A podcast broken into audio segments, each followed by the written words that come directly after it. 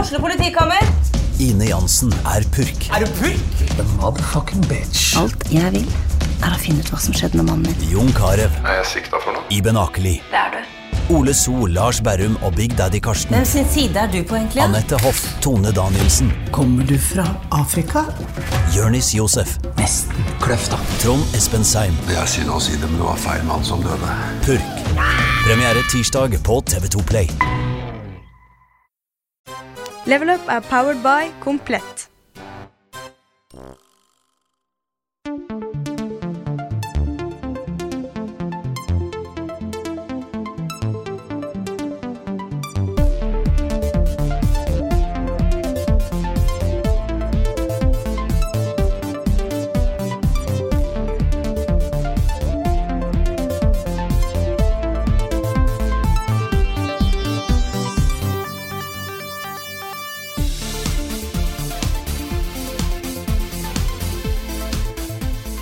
Do you want entertainment? Well, you're in luck. We'll make you a podcast that you'll wanna fuck. Velkommen tilbake til en helt ny sesong av Level Upcast med Rune og Carl. Spill podcasten på VG, TV slash VG. På iTunes og litt. Og på iTunes Ja, og overalt. Det kan Har du være hatt en bra finne på sommer, Carl. SoundCloud? Jeg har hatt en kjempebra sommer. Veldig behagelig. Ja. Mm. Gjort eh, lite, spilt mye. Så um, jeg kan ikke klage. Hva med deg? Nei, Jeg har hatt en eh, bra sommer, men det er alltid litt deilig å komme tilbake på jobb igjen når man har to små barn, for det er selvfølgelig veldig hyggelig. Eh, vi har vært på norgesferie, eh, men man blir veldig sliten. Ja, for det å ha to små barn er vel godt og vel en heltidsjobb. Godt og vel en heltids- heltidsjobb, og når eh, de var tilbake i barnehagen, så måtte jeg rett og slett- rett og slett ta meg en uke i ferie. Ja. så Sånn er det. sånn er det. Alle som vurderer å bli foreldre, bare hør på Rune. Ja, nei, De er to og fire år gamle, da, så det er på en måte midt i den Ja. mest slitsomme perioden. Er det, jeg har hørt at liksom to og fire det er da de er mest slitsomme. Men Ja. når de blir sånn seks år, det er da de er mest rampete. Så det er bare å glede seg til. Ja da, jeg tror eh, mine unger kommer til å bli ganske rampete. Det er eh, klare tendenser til- til det allerede. Tegn på det. Ja, men eh, da får jeg bare få de ned i sofaen eh, og gi de selv, da, liksom. Så blir de sikkert bare sittende. Det tror jeg kommer til å løse mye, Ja, faktisk. jeg tror det. Men de er jo veldig koselige når det, når det er gjester, så kanskje du bare har masse gjester. Eh, Kanskje det. Ja, Godt for poeng. når, hver gang jeg er der, så er det liksom bare, de er bare søte og koselige. Og, Ja, jeg har veldig, veldig søte unger, jeg har det. Ja, ja. Eh, om jeg så skulle få sagt det selv. Eh, men det er en håndfull. Eh, det er to håndfulle, faktisk. Eh, ja, jeg ser den. Det morsomste som skjedde nå eh, nylig, var jo at uh, dattera mi klipte sønnen min.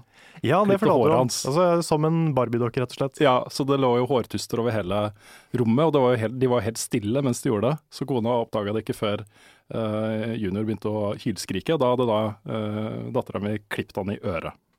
Jau da. Ja. Det er ikke så greit å være liten heller. Nei da, men de var veldig fornøyde. Så da var jeg fornøyd også, for da tok jeg fram eh, min barbermaskin, min eh, hårtrimmer, Ja. og snaua gutten min. Det var eh, kjempekult. Så du lagde rett og slett en minimi av Ja, sønnen det, din. sånn, ja, det, ja, vi er veldig like, så det ble faktisk ganske morsomt. Ja, jeg har sett bildet. Det var ganske morsomt. Ja, det, det er det. Men vi er jo eh, i hvert fall til en viss grad en spillpodkast. Til en viss grad. Ja, Mm. skal vi snakke litt om hva som er på, eh, på planen i dag? Ja, vi, vi har jo en slags mal på dette. her. Vi snakker litt om hva vi har spilt i det siste. Vi går gjennom store eh, nyhetssaker, og akkurat nå så er det jo eh, rett etter eh, Gamescom i Tyskland. Stemmer. Så der skjedde det masse rart. Masse Eh, rart. ja. Og så skal vi jo svare på masse spørsmål fra, fra seerne. Og det er litt morsomt for oss å sitte her, for dette er på en måte det første offisielle vi gjør etter sommerferien. Ja. Vi har begynt, og vi har hatt en del møter og kommet godt i gang med planlegging av det som ser ut til å bli en ganske kul sesong. Eh, Men dette er liksom den første offisielle tingen vi gjør. Ja. Så det eh, I hvert føles fall, godt. i hvert fall den første offisielle tingen vi legger ut. Ja, det er sant. Det er liksom, eh, de har voisa, et- Jeg voisa mitt første innslag i går, Mm, så det er litt sånn deilig å være i gang igjen. Ja. Det er litt sånn, det er en liten sånn vegg å komme over etter, etter sommerferien. Mm. Når liksom jeg er tilbake på jobb, og nå må vi faktisk bruke dagene på å jobbe litt. Ja. Så, eh, men nå er, det- føler jeg er i gang. Mm. Og det blir jo en del endringer den sesongen her. Eh, Dels fordi mediebildet har endra seg litt. Um, Vi, eh, vi ser jo at folk eh, forbruker eh, spillinnhold på forskjellige kanaler, og ikke nødvendigvis bare på VGTV lenger. Nei, det er sant. Det er mye, mye som skjer i spilljournalistikken om dagen. Det er det. Så, så der har vi en del utfordringer og en del muligheter som er ganske spennende. Ja. Um, og så kan vi jo komme med en liten spoiler for sesongen. Ok. Duellen er tilbake. Duellen er tilbake, Ja. i en veldig ny form. Veldig ny form. Det er, eh, du har aldri sett en slik en duell før. Nei, det skal jeg love deg. Du vil ikke tro hva som skjer når Rune starter opp duellen. Ja, igjen. duell nummer fire er spesielt. Ja, et eller annet. ja, nummer fire vil sjokkere deg. Ja, den, vil- det, sånn var det. Ja. så, så det gleder vi oss til. Vi skal ta opptak til den eh, neste uke. Det skal vi. Eh, ja. Og det blir, eh, det blir mye greier. Det blir skikkelig produksjon. Det blir skikkelig produksjon. Eh, vi jo- skal ikke si noe særlig mer enn det, tror jeg. Nei. Kommer litt, eh, vi kommer med en slags announcement på det offisielt, eh, kanskje etter at vi har gjort opptakene. Før sesongstart tror jeg vi skal gjøre det. Ja, det, kan vi Bare gjøre. annonse det skikkelig med en trailer eller et eller annet. Mm. Men eh, det blir kjempegøy. det blir veldig gøy. Det har liksom duellen alltid vært eh, Det har vært oss to i en sofa som har spilt, og, og så har liksom jeg klippet det kjapt sammen etterpå. Eh, Sånn så kjapt og gæli som jeg fikk til på en uke. Ja. Men eh, not the case denne gangen. Not the case. Not the case Not this time, at all. liksom. Så det blir, det blir bra. Ja. Og så kommer vi til å begynne å streame mer. eh, kanskje på litt eh, faste tidspunkter. Ja. Um, så det blir spennende. Mm. Kanskje vi i noen tilf- tilfeller kommer til å streame istedenfor å lage et sånt kl- vanlig innslag. Ja, vi, har jo, vi kommer til å fortsette med anmeldelser eh, en til en viss grad, i hvert fall. Mhm. Eh, men vi kommer også til å satse mer på liksom, eh, streaming, Let's Plays.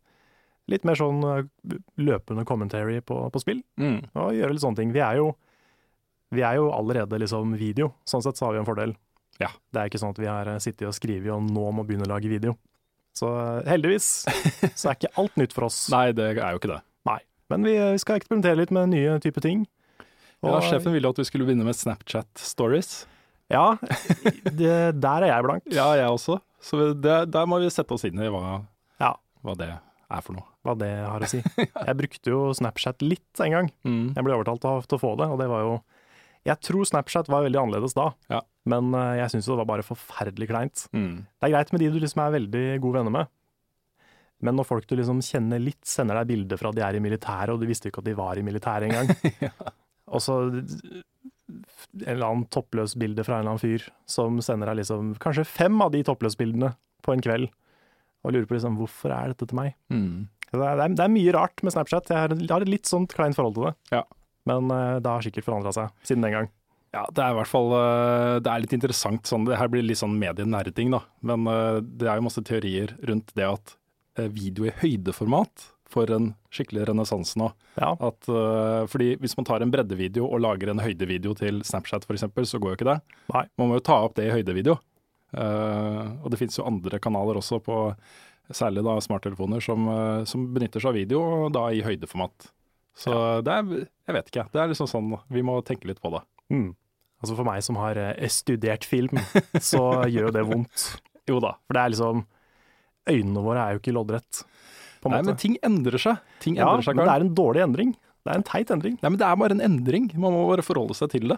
Ja, men jeg er skeptisk, altså. Ja. Det er, jeg, ser, jeg ser grunnen bak det, og hvorfor det kan bli sånn. Kanskje vi skal bare lage breddevideo i Snapchat, men sette det på høyden, sånn at folk må liksom Ja, det er snu gøy. hodet på skakke for å se videoene. Nei, At det er sånn offisielt sånn der, ligge på- på puta og se på TV, Ja, det kan det være. er en god, en god plan. Ja, hvorfor De ikke? må alltid liksom ligge på sida. Nyttes best horisontalt. Ja. Ja, hvorfor ikke? Så liksom bare Hvis folk skal samle seg og se på litt eh, level up Snapchat, så må Mm. de bare de må legge seg ned på sofaen sammen og ha litt sånn kosestund mens de sitter og ser på. Ja. På en liten skjerm. Eh, en siste ting før vi går videre til eh, å snakke litt om hva vi har spilt i løpet av sommeren, er at eh, dere som hører på, kan møte oss i Sandefjord siste helgen i august. Da skal Stemmer. vi på Retrospillmessa, og det blir en hel gjeng fra Level Up som drar dit. Ja, det gjør det. Det blir i hvert fall oss to. Bjørn, jeg tror eh, Lars og Svendsen eh, kunne tenke seg å dra dit. Vet ikke med Nick og Nei, Vi får med så mange som mulig. Ja. Vi får med så mange vi klarer. Ja, Vi kommer til å ha et eller annet opplegg der, vi vet ikke helt akkurat hva det er, men kanskje noe eh, Q&A eller eh, podkastopptak eller Ja, Det hadde vært eh, kult. Ja, et eller annet sånt. Mm. Paneler er gøy, altså. Ja, panelet Det er kan være kjempegøy. ganske morsomt. I hvert fall sånn Q&A-paneler. Mm. Det blir sånn sånn der, eh, det er en koselig stemning. Ja. Vi kunne f.eks. hatt en Q&A, og så det kunne vært opptaket vi bruker da i podkasten uka etter, f.eks. Ja, det har vi gjort før. Det har vi gjort før. Så det er fullt mulig. Det Absolutt. funker, for vi har gjort det før. Mm. Så det er ikke så skummelt. Da er vi over i første spalte i podkasten, nemlig hva vi har spilt i det siste. Og skal jeg eh, ta ballen? Jeg tar ballen i ukeren. Ja. Jeg har spilt mye i sommer. Det, det er fordelen med å ikke eh, være så glad i å reise, at jeg sitter mye hjemme og spiller. Så eh, jeg har spilt gjennom hele Souls-serien. Wow. Eh, bortsett fra Demon Souls, for det fikk jeg ikke tak i. Men eh, jeg har spilt Dark Souls, Dark Souls 2 og Bloodborne. Ikke verst. Nei, og Dark Souls eh, 1 var jo første gang jeg spilte. Og eh, det er vanskelig det, som alle sier. Men eh, jeg skjønner også nå hvorfor det er spillet som alle designerne prater om. Fordi eh, det level-designet i Dark Souls 1, det er bare kunst. Det er så utrolig gjennomført. Du kan liksom se alle områder fra alle områder. Eh, og alt henger sammen på sånne veldig sånn fiffige, kule måter. Mm. Og du kan låse med sånne snarveier som bare Å ja, ja, of course! Så bra, og så greit. og eh, det er bare et utrolig veldesigna spill. Da. Mm. Du har litt av det i Dark Souls 2, men Dark Souls 1 er bare veldig mye høyere oppe. Ja, og da stiger vel forventningene ekstra til eh, Dark Souls 3 også. De gjør jo det, fordi det blir jo eh, mye likere eneren enn toeren. Mm.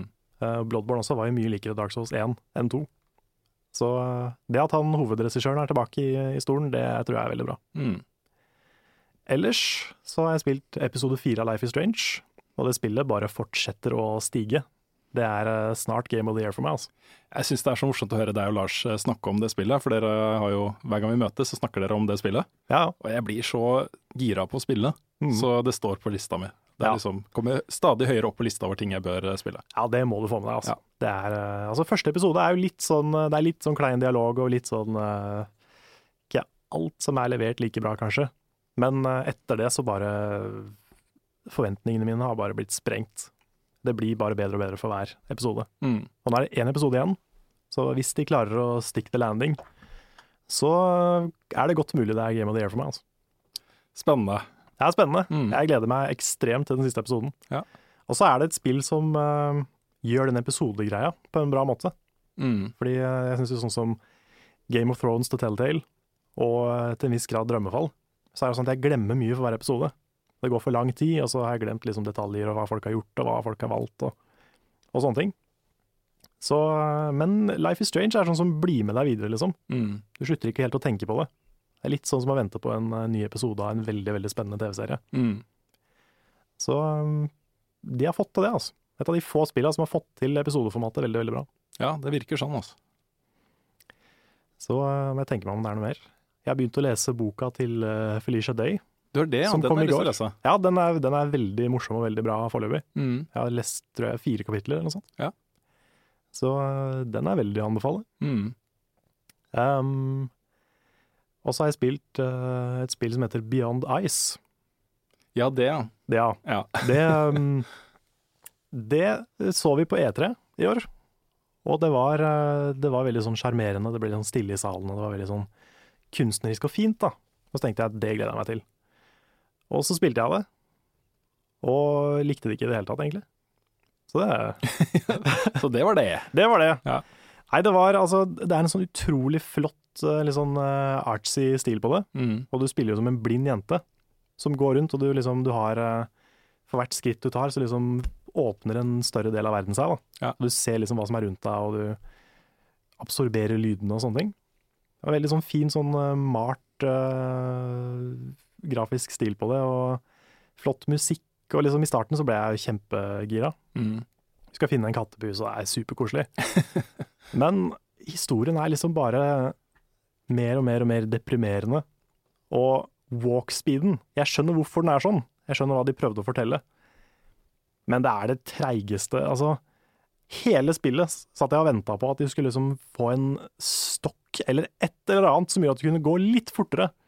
For jeg måtte ta pauser hver halvtime. Jeg ble så frustrert. Mm.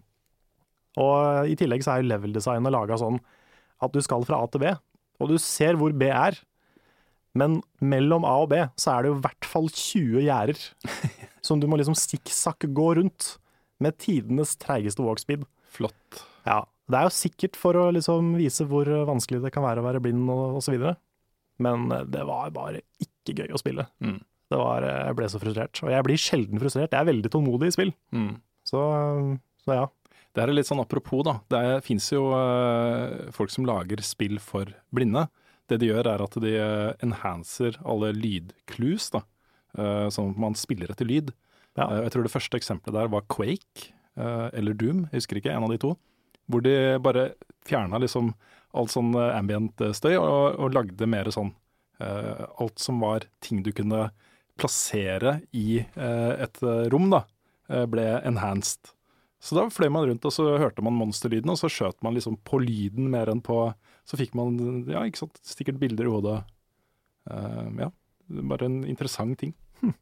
Lite sidespor. Ja, det visste jeg ikke at fantes. Det fins. Det er stilig. Mm. Altså, det er jo eh, det er en sånn type spill, litt sånn her kunstnerisk indiespill. Jeg sluker jo ofte det. Men det her var eh, Jeg skjønner hva de prøvde å få til. Eh, Jeg skjønner tankegangen bak det, men det var bare ikke Det fungerte dårlig som et spill, Mm. rett og slett. Ja. Det var, jeg syns det var synd, for jeg hadde gleda meg til det. Mm. Men det er et spill til som vi har spilt begge to. Yes. Vil du begynne å snakke litt om det? Ja, for det er litt eh, Jeg kan jo bare nevne kjapt at jeg hadde jo eh, store planer om å spille masse rart i sommer. Ja. Eh, Så dro jeg på ferie, og så var det liksom de ledige stundene jeg hadde eh, etter at ungene har lagt seg, sånn, så var det et, bare et spill jeg hadde lyst til å spille. Så Ja. ja. Det var eh, Bubsy 3D. Nei, så det, nå går det i PVP, da. Jeg spiller bare PVP, Crucible, eh, og særlig Trials of Cyrus, som er dritgøy. Så jeg bruker masse tid på det. Og Lars og Niklas og Kevin kan skrive under på at det er skikkelig gøy. Så det er ikke bare jeg som eh, suller med etter alt det her. Nei, det er bra. Nei, jeg har inntrykk av at det er gøy, altså. Ja, det er veldig morsomt. Mm. Men i dag, da. I Ja. dag så spilte jeg et spill.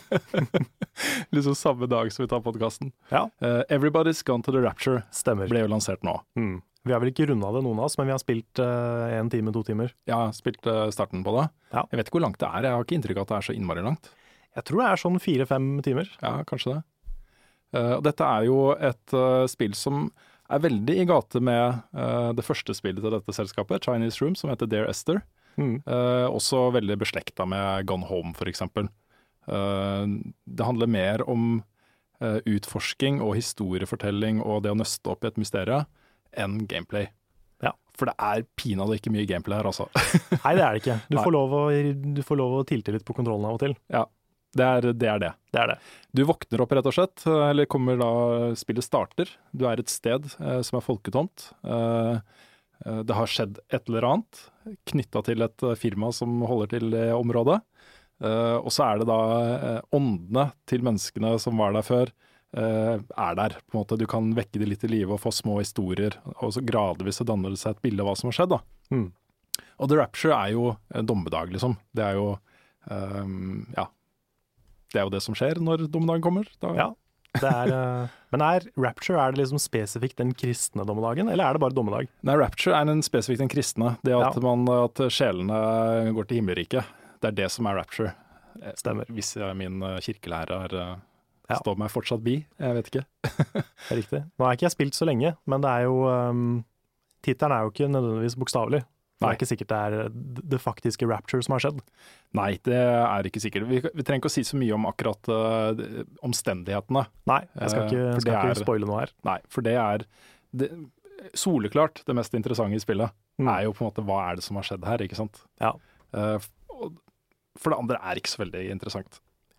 Nei, ikke, en- ikke ennå i hvert fall. Nei. Det er liksom eh, Ja. Det, det du gjør, er å gå rundt, ser, ser etter et lys, eh, for du får sånne eh, åndehjelpere. For hvert liksom, nye område så er det en åndehjelper da, som viser deg litt hvor du skal gå og sånne ting.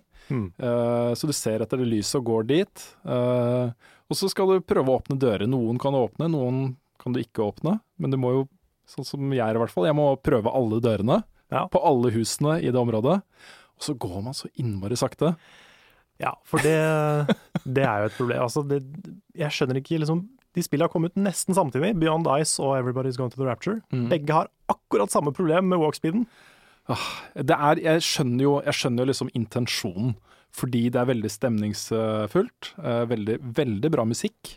eh, Flott å se på, og veldig sånn mystisk.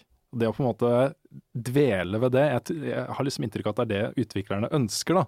At du skal på en måte synke sakte inn i dette universet og liksom bare være der, på en måte. Ja.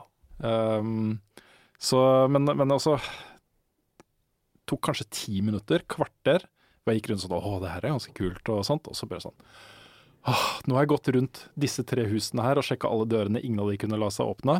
Nå må jeg helt over på den andre siden hvor de andre husene er, for å sjekke de husene. Ja.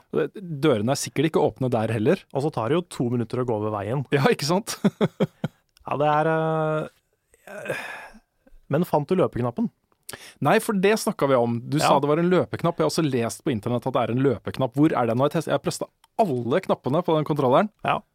Nei, altså nå, nå skal du høre. Ja, Fordi eh, altså, i starten så var det jo ikke noe indikasjon på at det fantes noen løpeknapp. Ikke på liksom settings, ingenting. Jeg tror det har blitt patcha inn nå, ok.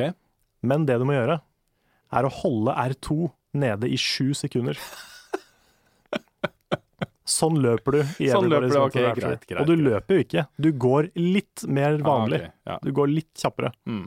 Og det er nesten ikke du merker det. Så det at ingen har funnet den løpeknappen, er ikke rart. ja, nei, det, det høres jo bare Ja, jeg vet ikke. Nei, jeg vet ikke. Men det er sånn eh, å liksom legge en sånn restriksjon på eh, styringa for Mm. å liksom at du skal f- få den stemningen og de greiene her, det er et dårlig designgrep, altså. Ja, det er det. Jeg vet ikke. Ikke altså. bra. Det syns jeg ikke noe om. Og så vet jeg ikke, jeg tror kanskje mine forventninger til spillet har vært litt feilaktige. Eller det er, jeg er usikker på det, jeg vet ikke helt hvor det spillet går eh, jo lengre ut i det du kommer. Men det forrige spillet til Chinese Room var jo Amnesia, eh, A Machine for Pigs. Ja, stemmer. eh, som er på en måte i samme gate det også, veldig exploration-basert og eh, nøste opp historiebasert. Men et skrekkspill. eh, veldig skummelt. Og det er jo helt opplagt eh, tendenser til å være skummelt dette her også, for det er jo noe ganske fælt som har skjedd. Eh, men jeg går liksom og venter på den, da. At det blir enten mer creepy eller mer rart, eller også Hmm. Jeg syns slutten på akt én uh, synes jeg var veldig god.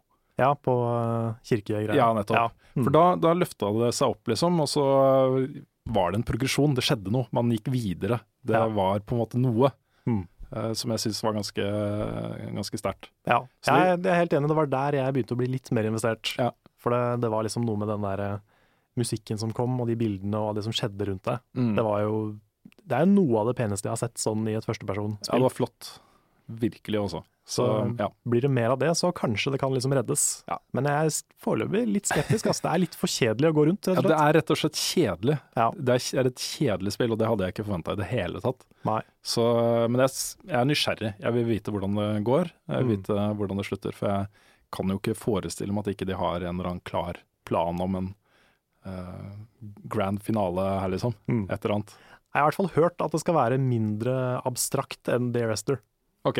For det var jo veldig vanskelig å forstå seg på etter hvert. Ja, det, ja, Eller hele veien, egentlig. ja, for så vidt. Egentlig hele veien. Men eh, hva syns du om det, når det, når det kom? Eh, det også eh, hadde jeg litt samme utvikling på, fordi jeg syntes det var veldig, veldig spennende i starten. Mhm. Og så ble jeg litt lei, rett og slett fordi det, ehm, det Jeg klarte liksom ikke å, å holde oppmerksomheten eh, ved like, da. Eh, Nei. den, jeg begynte å, tankene mine begynte å drifte og jeg tenkte på andre ting og hva jeg skal ha til middag og sånne ting, Ja. istedenfor å liksom være dypt involvert i det som skjedde i spillet. Men jeg, jeg likte det, men, eh, men det traff meg ikke sånn voldsomt. Nei. Nei, jeg altså husker at jeg, jeg likte det kanskje bedre enn deg eh, da. Men det er noe med at eh, altså, Everybody's Gone to the Rapture er jo en bedre versjon på en måte av The Arrester. Jeg syns det er mer spennende, det er penere å se på. Det er liksom, alt er bedre. Men det er noen år seinere også, Ja. og vi har fått liksom, siden da så har vi fått Gone Home, Mm. som er en mye bedre versjon av det. Mm. Hvor du får, liksom, du får mye mer å utforske, du får mer ting å lese, du får mer en sånn spennende liksom, mørke ting som kanskje, kanskje ikke skjer. Ja, det- Den store styrken til Gone Home der er jo at du har én fortellerstemme. Også det er søstera til eh, hun du styrer, Ja. som er på en måte en, en rød tråd gjennom hele. Her får du liksom den samme historien fra veldig veldig mange forskjellige personer.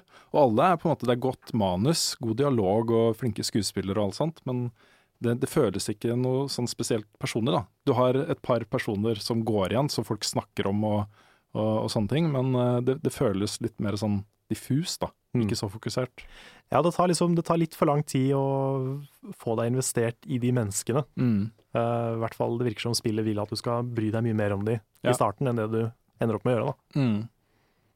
Men eh, nei, jeg vet ikke, jeg føler at eh, den oppskriften har blitt gjort bedre av andre spill nå. Da. At eh, kanskje det spillet her har liksom, det er litt støkk i den der gamle 嗯 måten å gjøre det på. Ja, jeg tror kanskje det. Det er for så vidt eh, Det er kanskje litt tidlig å si det, da, men jeg er mer nysgjerrig på eh, Frictional Games neste spill, de som lagde det første Amnesia-spillet. For Ja. det, det er på en måte litt eh, i den leiren, det også. Exploration-basert. eh, du skal nøste opp en historie, eh, finne ledetråder og, og sånne ting. Men det er et horrorspill s- lagt til en romstasjon. Mm. Zuma heter det, og det ser dritkult ut. Ja. Så eh, det, jeg føler at kanskje det må ha noe sånt. Noe som er litt guffent, eller Ja, eller i hvert fall litt mystisk, litt Ja, spennende. ja. Det, det, det, det mangler en hook. mm, Det gjør kanskje det, altså. Mm. Men eh, det er jo eh, det er jo det nye spillet til Gone Home-folka også, hva heter det igjen? Eh, ja, hva pokkeren heter det igjen, da? Det også er jo In Space, er det ikke det? Jo Det er vel veldig eh, Ja, altså jeg husker ikke hva det heter, men jeg har jo sett videoen. eh, Og det er jo Du kommer til en romstasjon eller et romskip eller et eller annet, mm. eh, og så har det skjedd noe der, og så skal du finne ut hva som har skjedd. Så eh, det er kanskje det er det som er det nye. ja kanskje. In Det er space, en Ny, eh, ny sjanger. et eller annet. Now in space. Ja. Gone Home in space. Jeg husker det var et annet, eh, annet skrekkspill på en eh, romstasjon eh, som eh, eh, Som er på vei Hva pokkeren heter det? Ja, vi, det, er, det er samme. Ja. Det er ett fett. Mye greier in Mye space. greier i space. Det er alltid det. Ja. Mm. Men eh, apropos pusle sammen en historie, så kommer jeg på et spill til. Mm. Det, dette blir en lang eh, spalte. Men eh, Her Story, Ja. det var et dritbra spill, Mm. syns jeg. Ja. Og det er jo eh, Det høres ikke så spennende ut. Du har sånne små, korte videoklipp som du må se gjennom. Du har, en, du har tilgang til en politidatabase fra liksom 90-tallet. Og du søker på ord for å finne liksom videoklipp hvor en dame som blir intervjua, eh, sier det ordet. Så du må liksom hele tida følge med på hva det er hun sier, eh, merke deg fast noen ord, søke på de orda for å finne ut om hun har sagt noe om det tidligere, og så sette sammen historien. da. Ah. Og det er dritkult. Jeg Ja. fikk frysninger i hvert fall seks ganger mens jeg satt og spilte det. Kult. Og eh, bare den måten den historien bare sakte nøster seg opp på. Ja. Og så får du vite en ting som liksom betyr det at eh, kanskje det, men kanskje ikke det, for du sa det der tidligere, og så må du fortsette å grave, da. Mm. Etter hvert så kommer du fram til en ganske sånn messed up eh, Veldig kul historie. Og noen twister og litt sånne ting underveis, og det er varmt anbefalt. Ja, jeg har lasta det ned og veldig lyst til å spille, så Ja. Veldig, veldig kult. det står også på lista. Det er, eh, det er kanskje ikke en Game of the Year-kandidat, men på lista mi kommer det garantert til å være, tror jeg. Ja, fordi når det gjelder mobilspill, så er det jo den type spill som jeg set, gjerne setter meg ned med. Ja, Ting Det som funker bra å spille det på PC, ja, altså. for Det du, gjør får det. liksom, du har en sånn der eh, TV- eller Ja. PC-skjerm-gui, liksom. Så Jeg vet ikke åssen det er å spille det på iPad, men jeg spilte det på Steam. Nettopp. Jeg har det på telefonen min, da, så Det er mulig det funker, altså. Ja. Jeg har ikke testa. ehm, greit. Jeg, jeg tenker at vi går videre, Karl. Det får vi gjøre. Det har vært Gamescom, og nå skal vi gå gjennom litt eh, inntrykk fra, fra den eh, messa. Vi har for så vidt vært inne på det allerede, Karl, men eh, Gamescom var jo den store gameplay-debuten til eh, Dark Souls eh, 3. Det, har var det, blitt ass. sluppet masse videoer derfra nå. Hva, er, eh, hva tenker du? Jeg er veldig, veldig positiv. Det ser, det ser ut som det er likt Dark Souls 1 på alle de riktige måtene. Og øh, samtidig som det har liksom de der innovasjonene fra Bloodborne og Dark Souls 2. Det er jo kjappere enn de andre spillene var. Og øh, Nei, det er bare Det ser riktig ut, rett og slett. Ja. Jeg, jeg har ikke lyst til å se for mye av det før jeg spiller det. Nei. For det er liksom Jeg vet hva jeg går til, på en måte. Ja. Så jeg vil egentlig bare ha det når det er ferdig, og så oppleve det sjøl. Ja, altså Det som alltid imponerer meg i de spillene, er, eh, det er rett og slett monsterdesignet, altså karakterdesignet og miljødesignet. Mm. Eh, Det, er, det ser så creepy ut på en så unik og deilig måte. Mm. De, særlig de monstrene, liksom, hvor er det de tar det fra? Det er, eh, ja, Ja, du kunne liksom putta hvem som helst av de på et heavy metal-cover, absolutt. Absolutt, kanskje noen tar tak i det. kanskje. Eh, Jeg har egentlig, vi, skal, vi kan ikke snakke altfor lenge om hvert spill her, fordi det var så mange nyheter på Gamescom. Eh, Så jeg har egentlig satt opp i en slags sånn rekke, eh, eh, tilfeldig rekkefølge. Det er eh, store og små, alt mulig rart egentlig. Ok, Men jeg tar det bare i eh, den rekkefølgen det står i manuset her. ja, kjør på. Gameplay-debuten til Scalebound fikk vi også på Gamescom, og det er jo et eksklusivt Xbox eh, One-spill. Ja. Um, Jeg fikk litt sånn der eh, Dragon May Fly-følelse. Ja. Men litt mer irriterende versjon av Dante, kanskje. han var så ufattelig annoying, bare det at han hadde Beats by Dre-headset liksom var Det var en god nok grunn til å mislike han bare på grunn av det. Ikke, ikke fordi at det er noe galt med det, selv om det er det. Så Nei, jeg blir bare litt irritert, for det er en sånn moteting, sånn, ikke sant. sånn product placement-ting er alltid litt sånn surt. Ja, for jeg så liksom det er noen som har dismantla Beats by Dre-headsets eh, på nettet nå. Og det er jo masse deler i den som bare er tunge. De har ingen funksjon, det bare er der for å gi liksom, headsetet litt mer Ja, vekt. stemmer det. Det var det, var det headsetet, da. Ja, Ja, så kult. det er bare det er litt morsomt. Men det er en utrolig irriterende fyr. Og det var liksom litt sånn trist, jeg har jo sett for så vidt litt av det før, men i starten av den gameplay-traileren så kommer jo Ikke traileren, han spilte det live på scenen, faktisk. Eh, så kommer dragen, og det er veldig sånn, eh, sånn eventyraktig og fantasy og sånt. Så kommer han derre duden med det lille spiket i håret sitt og de ekle headsetene, liksom. Han er en veldig sånn japansk tough guy. Ja, som liksom Dette liker sikkert folk i Vesten, tough guy. Ja, tror du det? Jeg- At de, jeg- jeg at de vet prøvde å ikke. appellere til oss? Ja, og sånn? kanskje. Ja. Eh, han fikk jo en del spørsmål om eh, han fyren, da. eh, han regissøren av dette spillet her. Mm. Um, eh, jeg, jeg har inntrykk av at han ble ganske lei av å få den type spørsmål, for han har jo sagt at han har en ganske trist bakgrunnshistorie og en dypere bakgrunnshistorie enn det som kommer fram her, da, så han gleder seg til å snakke mer om hvem han fyren egentlig er, Ja, ok. senere. Ja. Men det som var kult her, var jo kombinasjonen, eh, eh, altså fighting-kombinasjonen mellom han ekle fyren og dragen. Mm. Hvor de kombinerte krefter og de kjempa sammen. og Han sendte dragen dit, og så tok han seg av noen andre ting sjøl, og så hjalp de hverandre og, eh, og sånt. Og selve den kampgreiene så dritkult ut. Mm. Ja, selve spillet så veldig spennende ut. Det hadde litt sånn framerate drops, så jeg håper, håper de fikser det før, eh, før det kommer. Men Ja, Det eh, gidder jeg i hvert fall ikke å henge meg opp i akkurat nå. Nei. Men dette er jo Platinum, Platinum Games, og de har lagd mye kule ting før. eh, Og de er jo mestere på sånn veldig kjapp eh, action. Som eh, sånn veldig, veldig intense kampsituasjoner. Mm. Eh, og dette var en veldig stor slagmark det foregikk på, eh, med en del forskjellige typer fiender, men veldig sånn frenetisk action. Eh, og så var det også en god del kule funksjoner, liksom, som jeg ikke har sett så mye av i spill før. Som gjorde at jeg tenkte at dette her kan bli ganske gøy å spille. da. Ja. Særlig på slutten, når den der kjempemonsteret kom, Mm. og de virkelig måtte samarbeide. Douchebagen og dragen, liksom. ja. ja, det ser ut som et spill som, hadde vært, eh, som jeg gleder meg til å spille. Eh, om ikke nødvendigvis eh, hovedpersonen og historien er sånn helt på topp, så er i hvert fall, eh, det ser ut som det er kult. Ja, jeg, jeg har liksom Jeg har ikke voldsomt høye forventninger til det, men jeg, har, jeg, ja, jeg tror det kan bli gøy, da. Så ja. Neste spiller som på lista her er Mafia 3. Ja, Og det er en serie som jeg aldri har blitt helt sånn hekta på. Ehm, jeg har spilt eh, Mafia 1 og Mafia 2 eh, uten å digge det veldig. ok. Men folk, altså det, som er, det som er hooken her, er jo at de er lagt til en annen tidsperiode. Så selv om eh, f- For meg så er det litt på en måte sånn ehm, åpen verden, gangster, eh, spill som ikke er like bra som GTA. For meg er det det. ok. Men mange elsker jo det å dra tilbake til 20-tallet, 30-tallet eh, og oppleve den æraen da, eh, som gangster. Dette her blir da lagt til 1968. Du styrer en, eh, en Vietnam-veteran. eh, og det er ikke typiske gangstere, liksom. det er ikke italienske mafiaen det er snakk om dette her. Men eh, den traileren de slapp, eh, da er det på en måte noe annet. Så um, jeg fikk ikke helt inntrykk av hvordan gameplay blir. Men Nei. eh, det blir eh, åpen verden, New Orleans, eh, 1968. Ja. Så jeg er ganske nysgjerrig. Ja, Det er alltid kult når de velger litt sånne andre settinger. Det er jo, eh, Nå har jo viktorianske London gått igjen veldig de siste storspilla. Ja. Men eh, alltid spennende med litt sånne nye eras. Mm. Så har du jobba med det i mange år, så det her kan bli dritbra.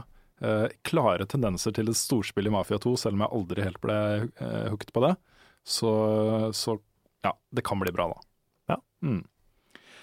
Og så fikk vi se noe kjempegøy. Eh, Fighter Squadron-modusen i Star Wars Battlefront. Ja, den har ikke jeg sett ennå, så den, eh, da får du fortelle hva som eh, var greia. Nei, det var eh, Du flyr i lufta med alle disse ikoniske Star Wars-kampskipene. romskipene. Og skjøt på ting. Dogfighting. eh, Wow. Aerial combat. Var det ikke det som var eh, spekulert i at bare kom til å være DLC eller noe sånt? Og så, Eh, ja, nå må jeg innrømme at jeg vet ikke om det blir annonsa som DLC eller bare som en uh, del nei, jeg av vet ikke, spillet. altså. Jeg bare husker at noen drev og spekulerte i det. Ja, fordi ingen hadde snakka om det. Nei, stemmer. Eh, så de sparte vel den announcementen til Gamescom, tenker jeg. ja, ok. Det så kjempegøy ut. Og det var alle de ikoniske greiene, og så kom jo Millennium Falcon inn til slutten og redda dagen, ikke sant. Of course. Selvfølgelig. Ja, så bra. Så, så det er så kjempegøy. Og Det spillet eh, er i ferd med å bli et spill jeg gleder meg voldsomt til. Altså. Ja, det er mye hype rundt det. da. Det er, jeg har ikke spilt de andre Battlefront, men det her eh, har jeg lyst til å prøve. Det er Star Wars, og det ser dritfett ut. Mm. Det er sånn spill jeg har lyst til å spille med deg og Lars og Nick og alle de Ja, vi må jo streame det en, en dag på Twitch. eh, og Absolutt. Ja. Håper det kommer en beta. sånt. Ja, det må du gjøre.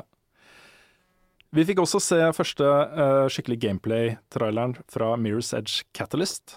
Det Hva gjorde vi. syns du om det? Det så kult ut. Ja. Det virker som de har tatt liksom det beste fra Mirror's Edge og gjort det De har brukt litt flere farger, blant annet. Mm.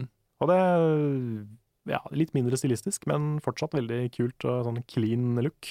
Ja, for de har tatt vare på den der, eh, bruken av farge som visuelt clou for hvor du kan klatre og sånne ting, men kanskje med et litt større fargespekter. Ja, og litt mer sånn subtilt, kanskje, Ja. enn det var.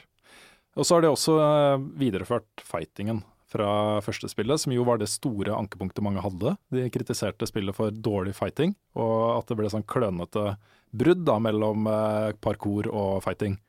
Jeg syns det ser ganske kult ut, jeg altså. også. Ja, det virker som de har fiksa det i hvert fall litt. Ja. I det første Mirror's Edge så kunne du vel plukke opp guns og drive og skyte og sånn også, kunne du ikke det? Ja, ja, plutselig, man, etter å ha liksom hoppa og spredt det over hustakene, så står det der med en hagle, liksom. Bom fast og bare venter på at folk kommer. Ja, ja det blir jo feil. ja, for det som var kult her, var jo at eh, den, hvordan du fikk tak i hagla. For det var jo å hoppe litt på veggen, og så sparke den ut av henda til en, og så slå eh, kolben i ansiktet til den, og så hadde du hagla, liksom. Det var gøy. Ja, det er Men så stilig. står du der med en hagle, da. Og så kommer det noen andre med våpen, liksom. Mm. Det var ikke så gøy. Nei. Nei. Nei, det er spennende å se om de, Mm. om de har eh, perfeksjonert fighting i eh, første person. Ja, for det som var den store, store, store eh, greia for meg på det første spillet, var jo denne, denne verdenen det foregikk i. Den derre rene, eh, kjølige, futuristiske verden. eh, som jo er eh, Jeg syns ikke de gjorde noe at det var tilført et litt større fargespekter til den verden, Nei. men den var allikevel sånn derre bare en arena for å hoppe og sprette og, og sånt på hustakene. Som, åh, det var så deilig. Mm. Og det så ut som var eh, samme greia nå, liksom. Så ja. Mm. Gleder meg stort. Ja, det blir bra. Februar tror jeg det kommer. Februar, ja. Så fikk vi se eh, den første eh, skikkelig sånn tube eh, exploration i Rise of the Tomb Raider. Ja, for det var jo to trailere for, for det. Ja. Eh, Det var en på Xbox-konferansen, og så var det en som kom etterpå. Stemmer. Eh, Jeg har bare sett den fra konferansen, og den var jo bare skyting. Ja, for det var på en måte slutten på, på den hele greia, liksom. Ja. For du kommer inn i en eh, tomb på grensen til Syria, eh, og så er det eh, masse utforsking og sånne ting. Og det ligner litt på sånn som det var i forrige spillet, fordi eh, der gikk jo Lara Croft rundt og utforska, men så var det jo en eh, fiendegruppe som var etter henne hele tiden, som liksom eh, hun- I perioder så møttes de, på en måte, og så kom hun unna, og så var hun alene en stund, og så kom de tilbake, og så videre. Ja. Så det var litt sånn her også. Hun var inne der, eh, denne tuben, men hun var ikke alene. Eh, Men det var liksom Ja, jeg fikk godfølelsen av det. Masse kule steder å utforske. eh, Kule feller som du måtte liksom virkelig anstrenge deg for å slippe unna. Eh, Ja, stilig. Mm. Stilig. Jeg syns den eh, E3-traileren fra det der Snøfjellet, Ja. eh, det er det kuleste jeg har sett foreløpig, syns jeg, fra det spillet. Ja, eh, altså jeg syns den tuben her, det, det overgår det. Ja, ok. Det er ja, da- mer av da må den- jeg få sett den traileren. Det er mer av den type ting jeg har lyst til å se i dette spillet. Ja. Eh, og så er jeg veldig spent på crafting-systemet, som jo eh, eh, også til en viss grad var til stede i forrige spillet, men eh, som ikke hadde noen betydning. Men nå har det det, da. Mm. At du skal kunne jakte på ting og crafte ting.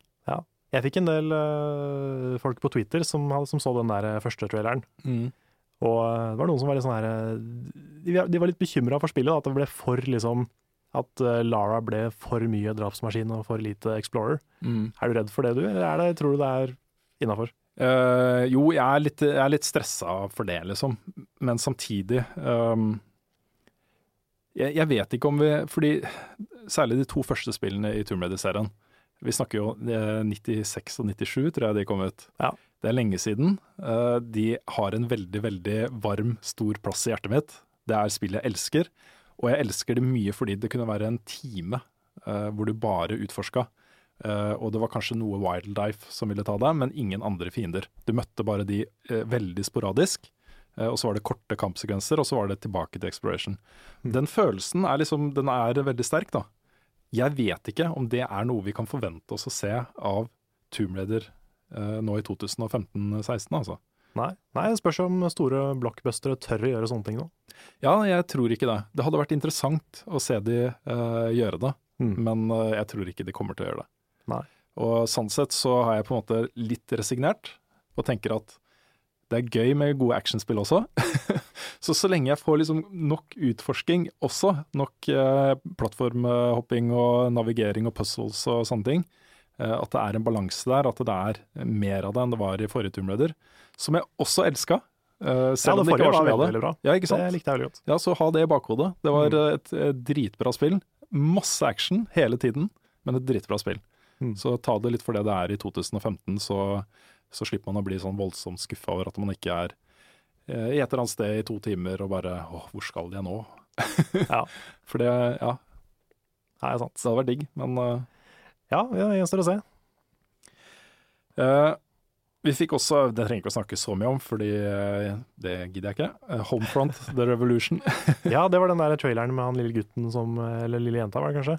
Som leste opp den der eh, veldig amerikanske talen. Ja, det stemmer. Det er, den har jeg bare så vidt eh, vært innom. Det jeg har sett er en eh, litt lengre sånn gameplay-greie, som egentlig skjedde før Gamescom, men som hadde da sikkert embargo til Gamescom, hvor eh, de spiller eh, spillet. Og det er mye mer åpen verdensspill enn det forrige Homefront-spillet var. Ok. Eh, Dette handler om, eh, om Nord-Korea som har invadert USA. Eh, Og sånn sett så, så blir det på en måte litt sånn Far Cry. Eh, Du har soner som er på en måte okkupert av Nord-Korea. Så kan du ta de sonene tilbake, og hvis du liksom klarer å ta alle sonene, så har du på en måte vunnet. da. Så eh, veldig sånn eh, ja Far Cry 4, egentlig. um, jeg er ikke negativ til spillet, men Nei. eh, det er litt sånn litt intetsigende for meg. Eller litt sånn Ja. Det er kanskje et sånt spill som man må eh, prøve, finne Ja. ut om det er noe bra, og så kan man heller hype det etterpå, på en måte. Ja, for en ting jeg likte med det, som jeg syntes så kult ut, det var crafting av eh, våpen. Hvor eh, du kan gjøre veldig mye forskjellig, da, og snekre sammen egne ting, og også gjøre det on the fly.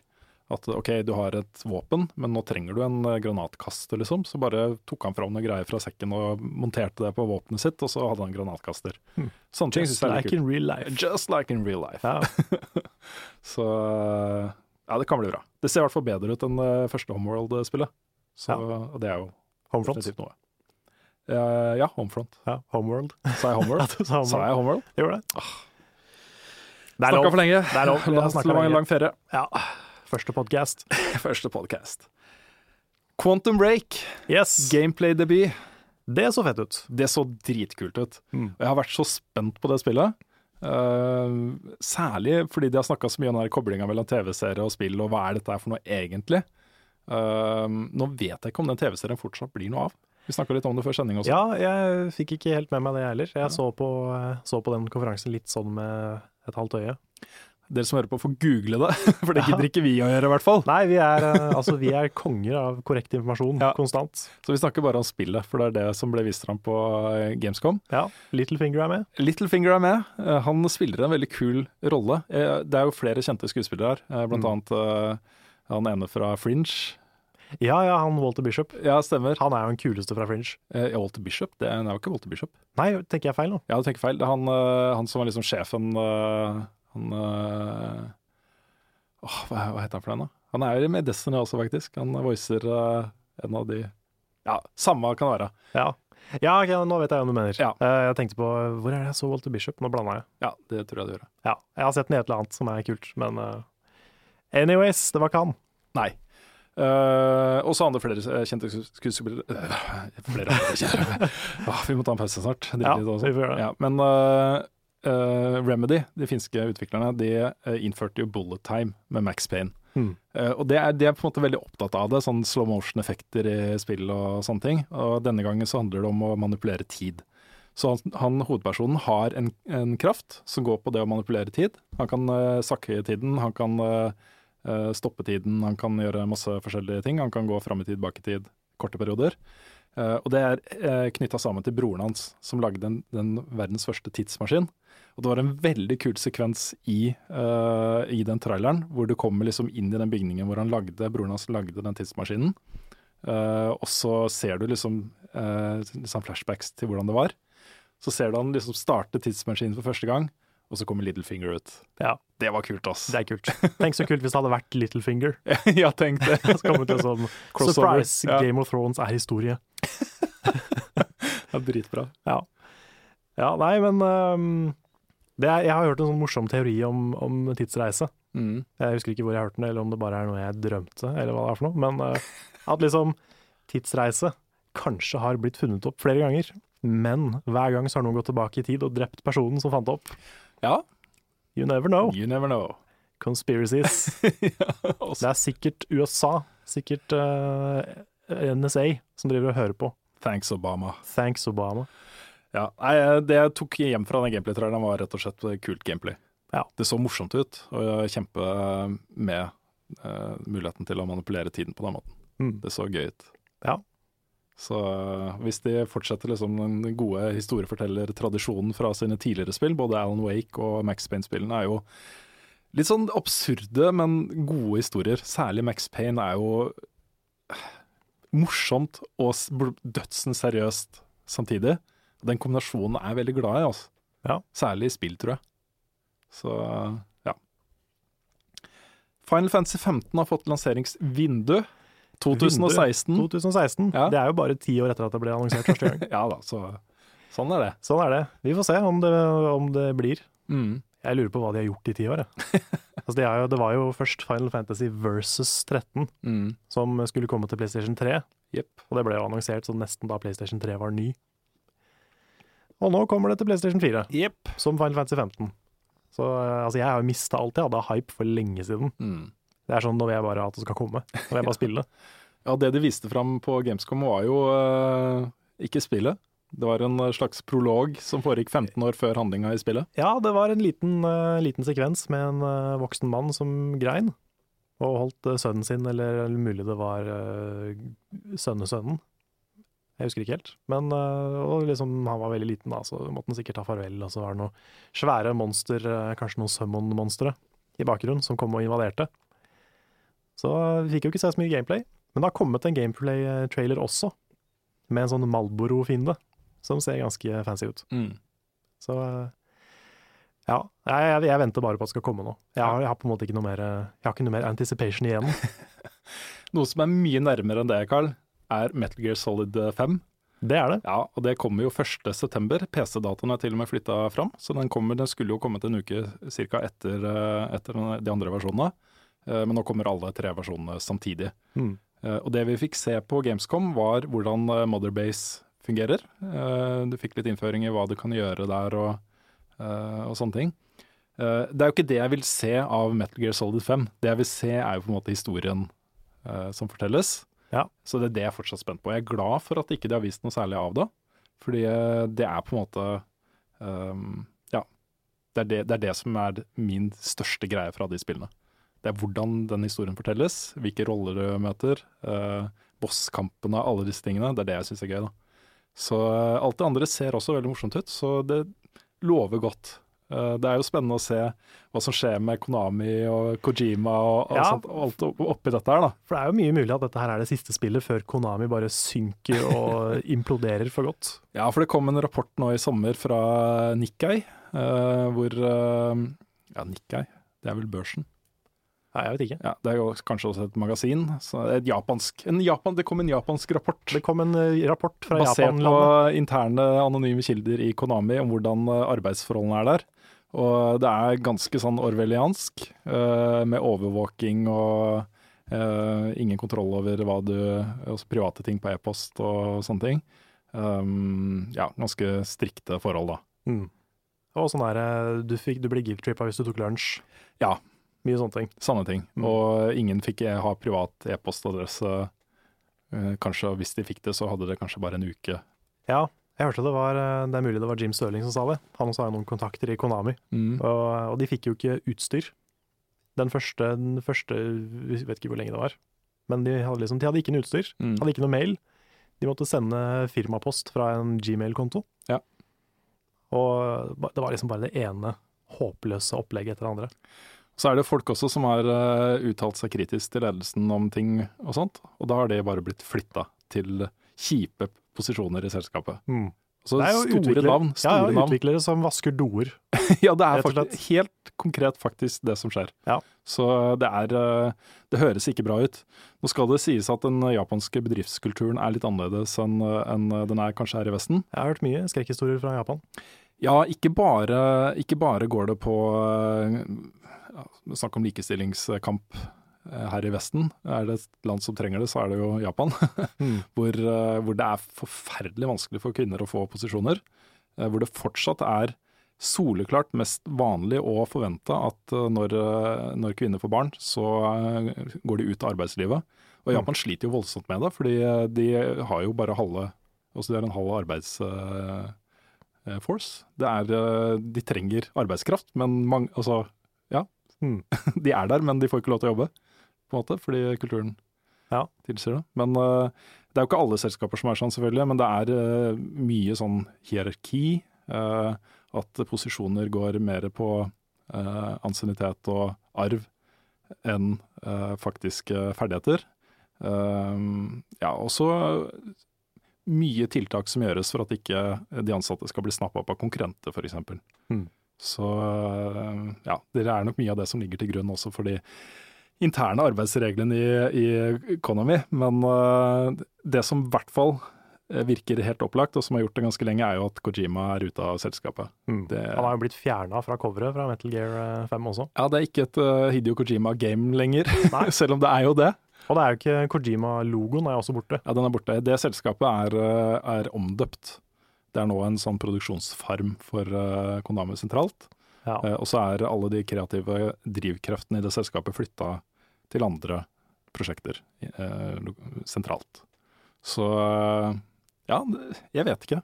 Nei. Det skjer mye rart i den japanske spillindustrien om dagen. Det gjør det, altså. Kanskje Kojima går på kickstarter med en eh, Steel Gear Solid, ja. og bare lykkes der i Nei, stedet. det jeg vil se fra han nå er noe annet. Det hadde vært så kult om han hadde lagd noe helt annet. Ja. Eh, og eh, i sommer også så har jo både han og, og Guillermo del Toro sagt de fortsatt skal jobbe sammen. Ja. Ikke med Silent Hills. Nei, men det er kult. Det er liksom, da har de blitt gode nok venner til at de eh, kan trosse Konami. Jeg vedder 100 kroner på at du får se en kickstarter med Hideo Kojima og Guillermo del Toro før åra er eh, omme. Helt sikkert. Men eh, for å si noe positivt om Konami, Ja. de har jo to nye spennende spill eh, på gang. Eh, sånne slot machines. det er jo eh, d- det nylig, la- det nylig annonserte Silent Hill, eh, spilleautomaten, Ja. som er noe greier. Jeg så noen bilder av han der eh, Nei, jeg husker ikke, men eh, i hvert fall. Det er det. Og så er det Castlevania-spilleautomaten, som inneholder erotic violence.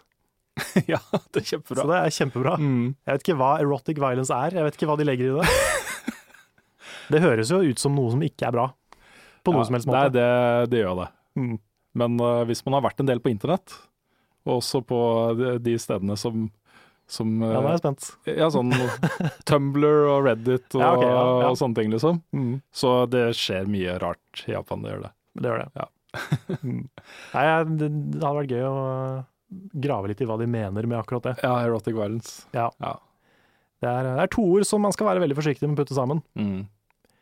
Og så eh, eh, Apropos, jeg så en overskrift på Kotaku her om dagen om at mange hadde sett lika fallout footage på Pornhub.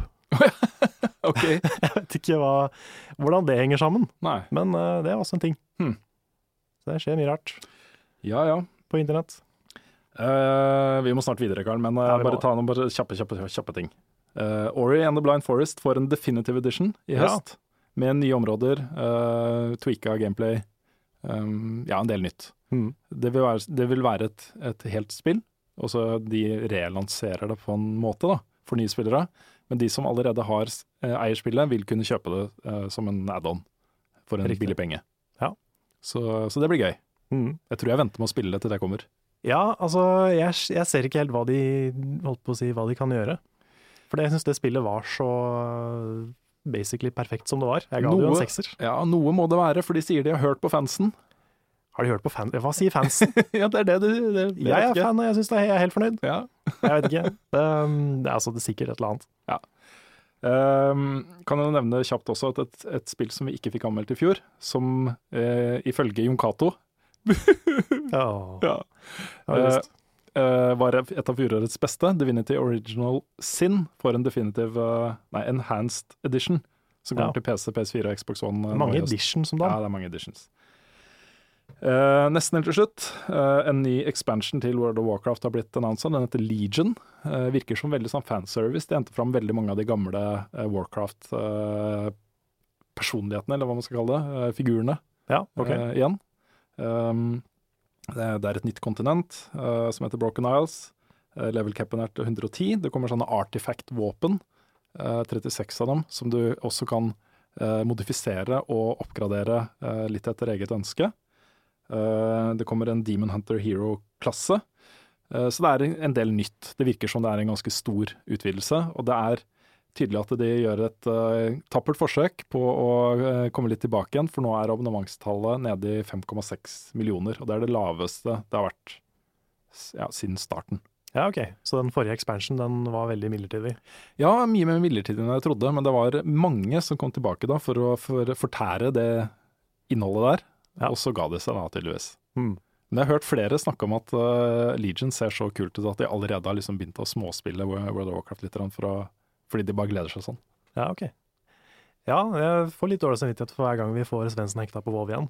ja. Han har liksom prøvd å unnslippe det spillet, og så bare får vi til å anmelde til nye, nye, nye ting. han skal anmelde Legion også, så det blir bra. Ja, det blir bra. Helt til slutt må vi snakke litt om Paul- Palmer Lucky, eh, Oculus Rift. Eh, han var på coveret av eh, Time Magazine. Ja, stemmer det. Det har jo vært en, eh, en av de store internettingene i sommer, eh, siste par ukene, hvor eh, han står på coveret eh, i sånn blå eh, arbeidsskjorte og eh, Oculus Rift headset med sånne skyer i bakgrunnen, og ser litt sånn amøbe ut. Han har liksom Mm. Ja, altså, han- hendene ut, eh, flakser litt, Ja, det ser ut som han flakser, at han prøver han stelte seg opp som en sånn fugl Ja. som skal lette. et eller annet. Det er veldig, Eller som en sånn karatekid-pose. Ja. Det er litt så rart det der, fordi eh, eh, sånne som meg og deg, vi har jo hypa VR ganske mye eh, siste par åra, egentlig. Helt siden Oculus Rift eh, begynte å få litt fotfeste og de begynte å vise fram hva det faktisk er, og vi fikk testa det og sånne ting. Eh, har vært litt evangel evangelister på akkurat det der. Men nå særlig etter det coveret, så føler jeg liksom at motvekten, de som er kritiske til VR, de som er negative til VR, som ikke tror dette kommer til å slå an i det hele tatt, har fått litt sånn eh, vind på mølla. Det har vært mye negativitet i forbindelse med VR nå. Altså. Ja. ja, det skal ikke mye til for at sånn skal skifte. Nei, det skal ikke det. Jeg tror, eh, jeg tror da at, eh, at eh, eh, man ikke kan for- forvente at VR skal ta over alt. Jeg tror VR egner seg veldig godt til en viss type spill, eh, og så tror jeg det ikke egner seg i det hele tatt til en annen type spill. Nei, sant. Men jeg tror bare det å kunne sette seg ned i en space sim f.eks., eller et veldig sånn førstepersons utforskingsspill i VR, det kommer til å bli så fett. Mm. Eh, og ja, det kommer til å bli stort nok, tror jeg, til at det her kommer til å ta litt av, da. Men eh, hvis du skal prøve å presse det på alt mulig rart, så ja, kanskje ikke. Nei. Nei, det er den der eh, Det er så mange ting som høres veldig kult ut før de kommer. Mm, Eh, Så jeg har egentlig vært hele veien litt, sånn, litt forsiktig med å hype meg for mye. Jeg har, jeg har prøvd det, og det er kult. Når jeg prøvde den 1080P Morpheusen på E3, så var- ble jeg litt mer solgt igjen. Mm. Men det er det at det må komme spill som er laga for det. Det må komme opplevelser som er kule. Da. Ja. Så eh, alt føler jeg avhenger av det. mm. Jeg tror kanskje den største, største baugen VR må over, er den der du ser jo ut som en dust. Ja, du gjør jo det. Når du sitter der med det jævla Unnskyld. S- s- Det kan vi kanskje kutte i posten. Nei, det er lov. ja, det er lov å si kanskje én gang i løpet av En gang er sendingen. lov. Ja, greit. Ja. Eh, sitter med det headsetet liksom lukka inn i din egen verden og bare ble Det er liksom litt sånn. Det er sånn, eh, Du kan jo putte på sånne bobblehead eyes, på- så ser du kanskje Ja, det føler, jeg burde morsommere være, ut. det pur- jeg føler jeg burde være med som tilleggsutstyr. Ja. For det er noe med at liksom, da går du fra bare å være teit til å være litt sånn tullete teit. Ja. Og det er litt morsommere igjen. Så kanskje du liksom må over den der teitkneika. Jeg syns det er litt gøy at eh, de også pusher VR til mobiltelefoner. Um, det er liksom Ja. Sitter man på bussen da og ja, det er litt sånn som eh, vel, han der eh, Keith Appicarry, som er en sånn figur på Screw Attack, som eh, går rundt med en virtual boy teipa fast i huet.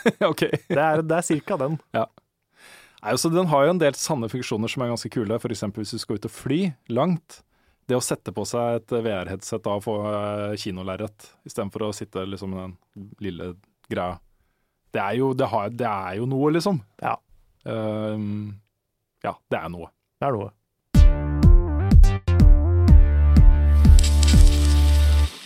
Vi har kommet til podkastens siste spalte, nemlig spørsmål og svar. Og den viktigste. Og den viktigste, Ja. ikke minst. Mhm. Og det er jo din lucky day, Rune, for det har kommet masse Destiny-spørsmål. Ja, det har det. Masse Destiny-spørsmål. Ehm, da har jeg gode og dårlige nyheter. Ok? Ehm, så kan folk liksom bestemme, velge selv, hva som er de gode og dårlige nyhetene. Å ja, så Jeg skal det er- ikke svare på Destiny-spørsmål her og nå. Du skal ikke det? Nei. Nei. Men Jeg skal lage en helt egen Destiny-podkast, Oh som my God. eh, etter planen kommer da neste uke. Eh, har med meg to stykker jeg spiller mye sammen med, Atle og Anders. Um, og vi har snakka om det egentlig månedsvis, at da er det kult å lage en Destiny-podkast. Og det å lage en podkast er litt sånn lavkost. Det krever ikke så mye av oss. Vi får snakke om de tingene vi liker å snakke om. Eh, Det, kre- altså, det tar ikke så mye tid. Det- Bare være innom her en halvtimes tid, tre kvarter.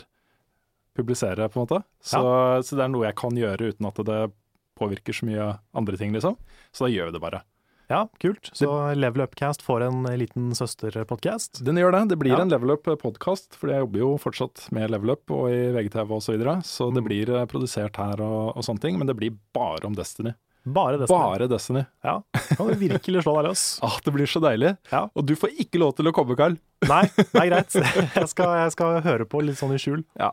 Nei, altså, det blir eh, ålreit. Og ehm, det er jo noe vi gjør fordi vi har lyst, ikke fordi vi tror det kommer til å bli liksom kjempesvært og sånne ting. Nei. Men, eh, fordi- Men det er vel ingen norske Destiny-podcaster, er det det? Nei, og det er jo derfor vi gjør det. Hadde det allerede fantes en Destiny-podkast eller to, så hadde vi nok ikke giddet. Men øh, vi blir forhåpentligvis, da, hvis ingen nå snur seg rundt og bare Å, skal lage Destiny-podkast! Så blir vi kanskje den første. Så får vi se. Ja. Hvis Destiny lever i ti år og blir eh, dritsvært, så, så var det en lur ting. Ja, det var en god investering. Ja, og Hvis det ikke blir det, så har vi det gøy mens vi lager det. Ikke sant? Har du Så- lyst til å røpe navnet, eller vil du ikke det? Nei, jeg tror kanskje jeg venter til den er ute. Ja, ok. Ja, ok. bare sånn at For sikkerhets skyld. men eh, men det, blir en, det blir et hobbyprosjekt. eh, og Atle og Anders er eh, veldig morsomme fyrer. Eh, vi har det gøy sammen når vi spiller. Eh, og vi er liksom like hardcore inni det spillet, alle tre. Mm. Eh, Anders har for eksempel Max Grimmar-score i spillet. Han har gjort alt. Det er ganske mye. Ja, Atle og jeg har omtrent like mye. Vi mangler eh, 10-15 poeng, så er vi på maks vi også. Så vi, er liksom, vi har gjort alt som kan gjøres i spillet. Hm. Hmm. Så, så det blir gøy. Og det er jo grunnen til at vi gjør det nå, er jo at eh, The Taken King kommer jo 15.9. Så vi setter i gang litt før det. Og så kan det hende da at eh, Level Up sin anmeldelse av The Taken King blir i den podkasten istedenfor Ja. noe annet sted. Ellers så får du lov å snakke litt om det. i- Ja, ok, da kan vi, vi får se hvordan det blir.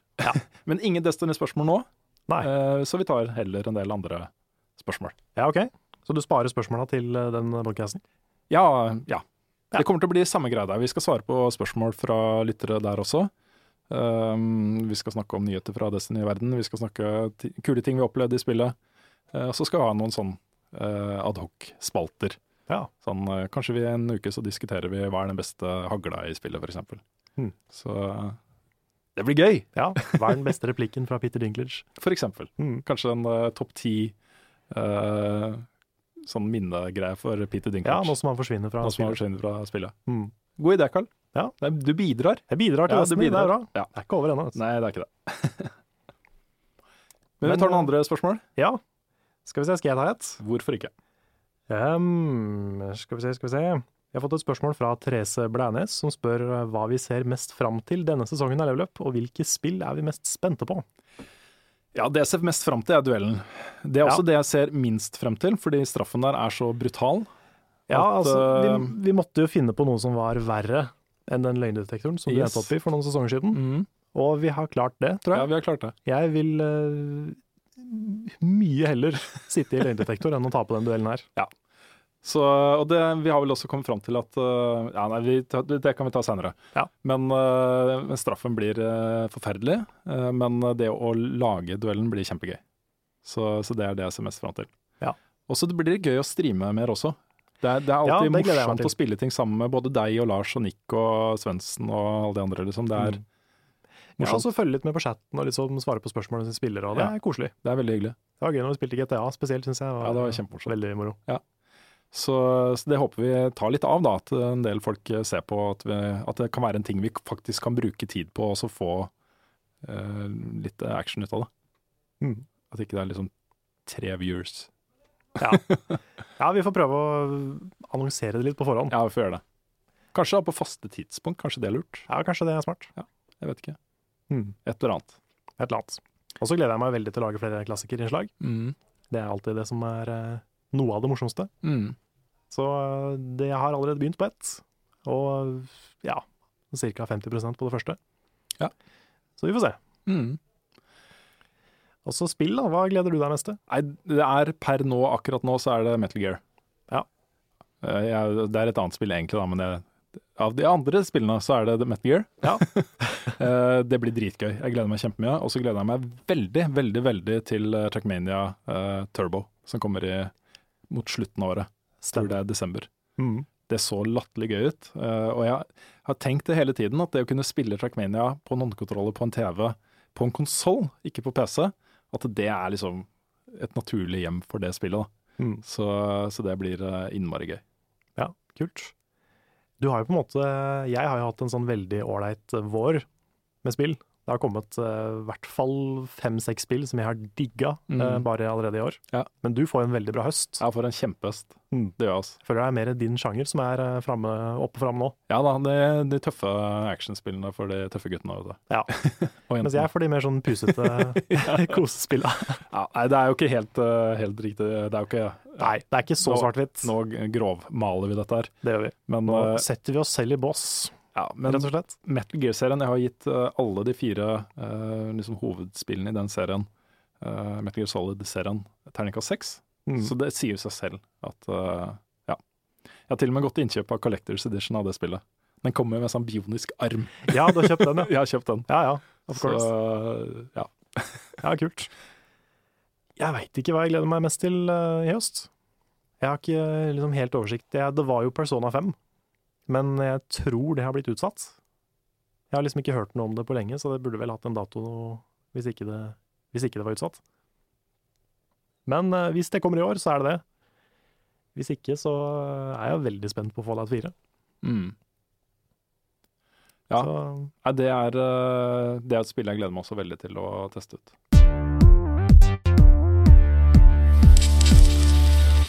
Yes, Vi har fått et spørsmål fra Trond eh, Borgersen, som jo er en av arrangørene av Retrospillmessen, det er det. eh, som vi skal på. Mr. Sin 4. Mr. Sinfor. Yes, god dagen, Sin 4. Ja, så eh, han eh, s- pleier jo å sende oss spørsmål også til podkasten. Gjør det. Eh, Nå lurer han på hva vi definerer som en såkalt spillsamler. At man samler på alt av spill, eller samler dedikert på spill som man vil spille. Og har dere litt samling i blodet? Ja, hva er en spillsamler? Jeg vil si at eh, da Ja, jeg vet ikke. En samler. Da føler jeg meg at man, eh, man bør gå for en slags kolleksjon av noe, f.eks. Ja, jeg føler sånn hvis du har ehm, hvert eneste Final Fantasy-spill, Mm. som er ganske mange, Ja. da er du i hvert fall en samler. Ja, da er det en Final Fantasy-spillsamler. i Ja, hvert ja, fall. da er du, du er en Final Fantasy-samler. Altså, hvis du, skal, hvis du er en eh, sånn dedikert spillsamler generelt, så er det jo ingen grense for hvor mye penger og tid du kan bruke på det. Fordi det finnes jo veldig mange spillkonsoller opp gjennom årene som har sine egne spill og, og så videre. Det gjør det. Ja. Det skal litt til å ha en eh, decent spillsamling, Mm. sånn i det store bildet. Ja, nei, altså jeg tenker hvis du kjøper ting for å samle på det, mer enn bare for å spille på det, så er det en samler. Hvis du kjøper bare ting du har lyst til å spille, så er du en spiller. Ja. Eh, Men hvis du da tar alle spillene du har kjøpt og eh, setter det opp alfabetisk basert på plattformen det kom på f.eks., så er det kanskje en samler. Mm. Jeg vet ikke. Og hvis du ikke spiller Madden, så er du ikke en ekte gamer. Nei, Jeg vet ikke. Jeg, har- det var jo en periode hvor, eh, hvor jeg på en måte begynte å samle, fordi eh, det er jo en av, eh, en av eh, de fine tingene med å jobbe som spillanmelder, er jo at man, det kommer jo så mange spill inn døra. Mm. Eh, Men jeg kom til et punkt hvor det ikke var noe interessant lenger, egentlig. Eh, Kanskje jeg ble voksen, jeg vet ikke. Eh, Det kom i hvert fall et punkt hvor jeg tenkte det å ha spill digitalt er deilig. så nå vil jeg egentlig ha så mye som mulig digitalt. Ja. Um, Det var min da jeg bodde på 18 kvadratmeters leilighet på Anker, Mhm. så forsvant mesteparten av min samlemani. Ja. For da hadde jeg ikke plass til noen ting. Nei, jeg har et lager som jeg fortsatt betaler liksom 1500 kroner i måneden for å ha. Eh, og det er mye fordi der står det en del spill og Ja, sånn treasure room. ja. Men jeg har jo ikke vært der på, en måte, på et år eller to, liksom, så jeg vet ikke om jeg trenger det Nei. særlig. Eh, nei, Vi begynte jo faktisk også å bare samle opp alle de spillene som kommer i løpet av et år, for det er jo ikke vår eiendom. Eh, det er på en måte eh, noe vi har fått eh, på utlån i anførselstegn av utgiverne. De forventer ikke å få det tilbake, men de forventer i hvert fall ikke at vi skal selge de på eBay eller noe sånt. Nei, det kan vi ikke helt. Nei, ikke sant. Så eh, det vi har gjort eh, flere ganger, er å ta, eh, levere det til sykehus og sånne ting.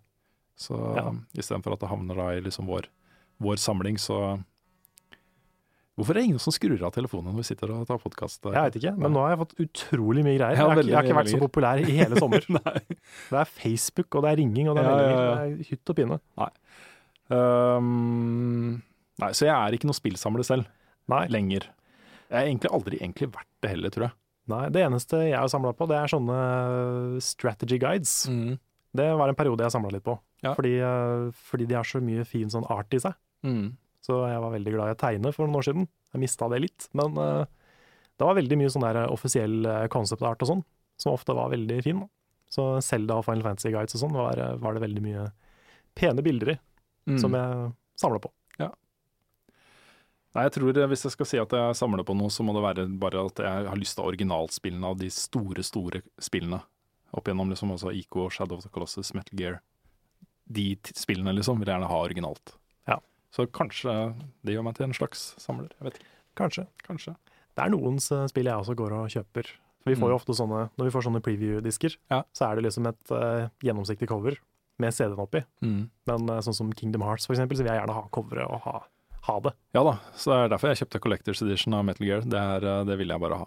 Ja. Så eh, det blir kanskje stående på utstillinger på kontoret vårt. Kanskje det? Kanskje du kan ha på deg den armen mens du eh, hver eneste episode. Kanskje jeg kan komme hjem og skremme ungene med den. Ja. Du kan ha armen, så kan du ha Master Chief-hjelmen. Ja, hvorfor ikke? Ja, så bare lager du en sånn der mekk av et menneske. Det, Yes. det kan du gjøre. Der har vi, der har vi noe.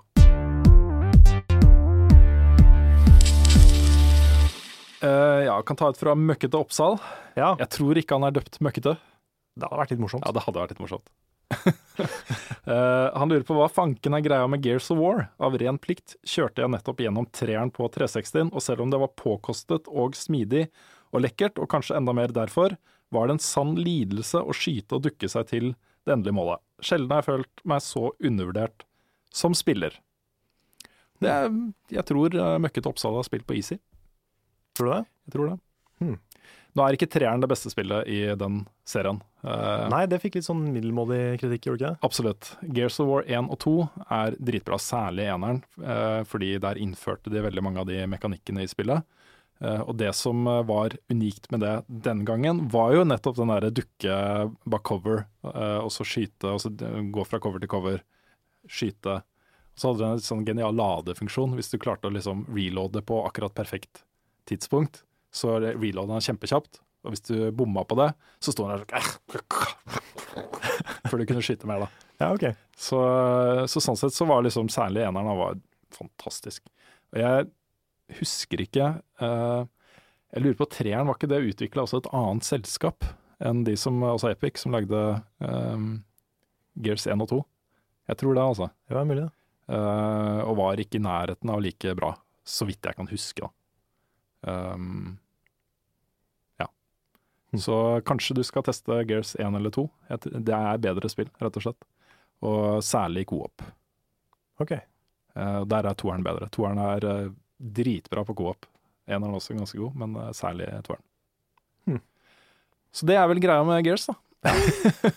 Det er eh, Du har spilt feil spill, og du har spilt det på Easy. Nei, jeg vet ikke om du har spilt på Easy også, kanskje du bare er veldig flink, men eh, ja. Skal vi se, han har eh, fulgt opp. Ja, Han sier jo fyren i spillshoppa mente det. Det lønner seg å lese seg opp på historien fra eneren og toeren før du spiller denne. Det tviler jeg sånn cirka totalt på. Ja, Det tror jeg også. Men eh, Du tror det lønner seg? nei, jeg, jeg, altså, akkurat når det gjelder treeren, så tror jeg ikke det var så viktig. Nei, ok, sånn. Ja. Han var sikkert bare veldig into Gears law. Ja, jeg tror kanskje det. Det var jo, eh, jeg husker jo, med, det var vel Gears 2, hvor, eh, hvor de liksom hadde prøvd å innføre en del sånn veldig følelseslada øyeblikk. Jeg har sett noen av de cutsinsa, Ja, det er helt forferdelig. med de svære Ah, det er kjøleskapsmennene grusomt. som gråter og Ja, ja. Men Lauren i seg selv i spillet er jo veldig kul. Eh, hvor disse fiendene kommer fra, og hvorfor de er der, og Ja. hvordan man kjemper mot det og sånne ting. Alt det syns jeg er veldig kult. For du trenger, du trenger ikke så mye law for et sånt type spill. Nei, det, Men kan det som jeg si. er der, bør være ganske bra. Skal vi se, Jeg har et spørsmål her til meg fra Tony Flaten.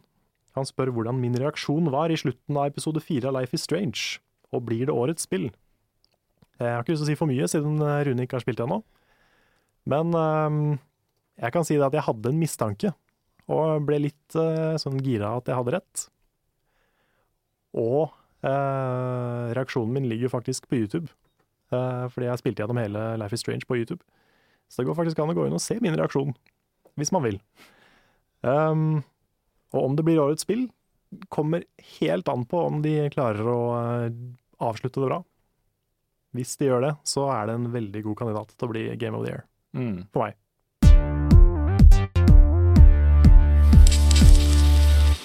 Vi har fått et spørsmål fra Alexander Aanvik. Han lurer på om vi har spilt Rare Replay, og hva, og hva slags tanker vi har om det. Ja, jeg har i hvert fall spilt det. Ja. Har du spilt det nå? Nei, jeg ga den koden til deg. Ja, stemmer det. Ja. Vi fikk en kode, Vi fikk én kode. så den fikk jeg. Ja. Ja, jeg har spilt det litt. Jeg har ehm, tenkt å lage et klassikerinnslag fra et av de spillene der. Det er jo 30 Rare-spill, som er vel alt de har laga, bortsett fra, tror jeg, Donkey Kong-serien. Ja, de eh, helt opplagte Nintendo Men det, Tingene. er, det, er det noe annet enn Donkey Kong og Diddy Kong Racing og sånn?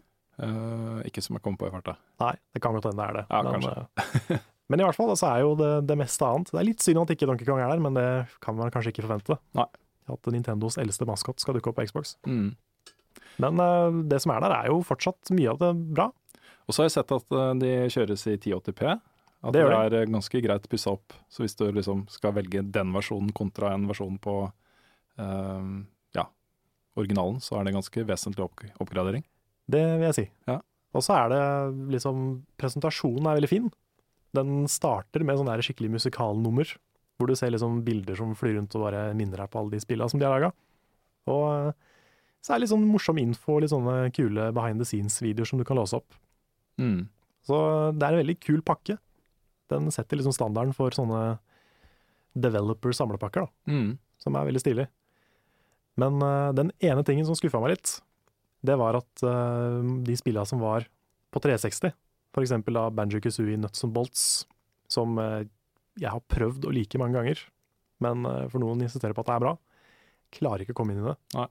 Men eh, det kjører like dårlig nå som det gjorde på Xbox. OK. Det er liksom en framerate som er nede i 20, sikkert Mm. og kanskje lavere enn det.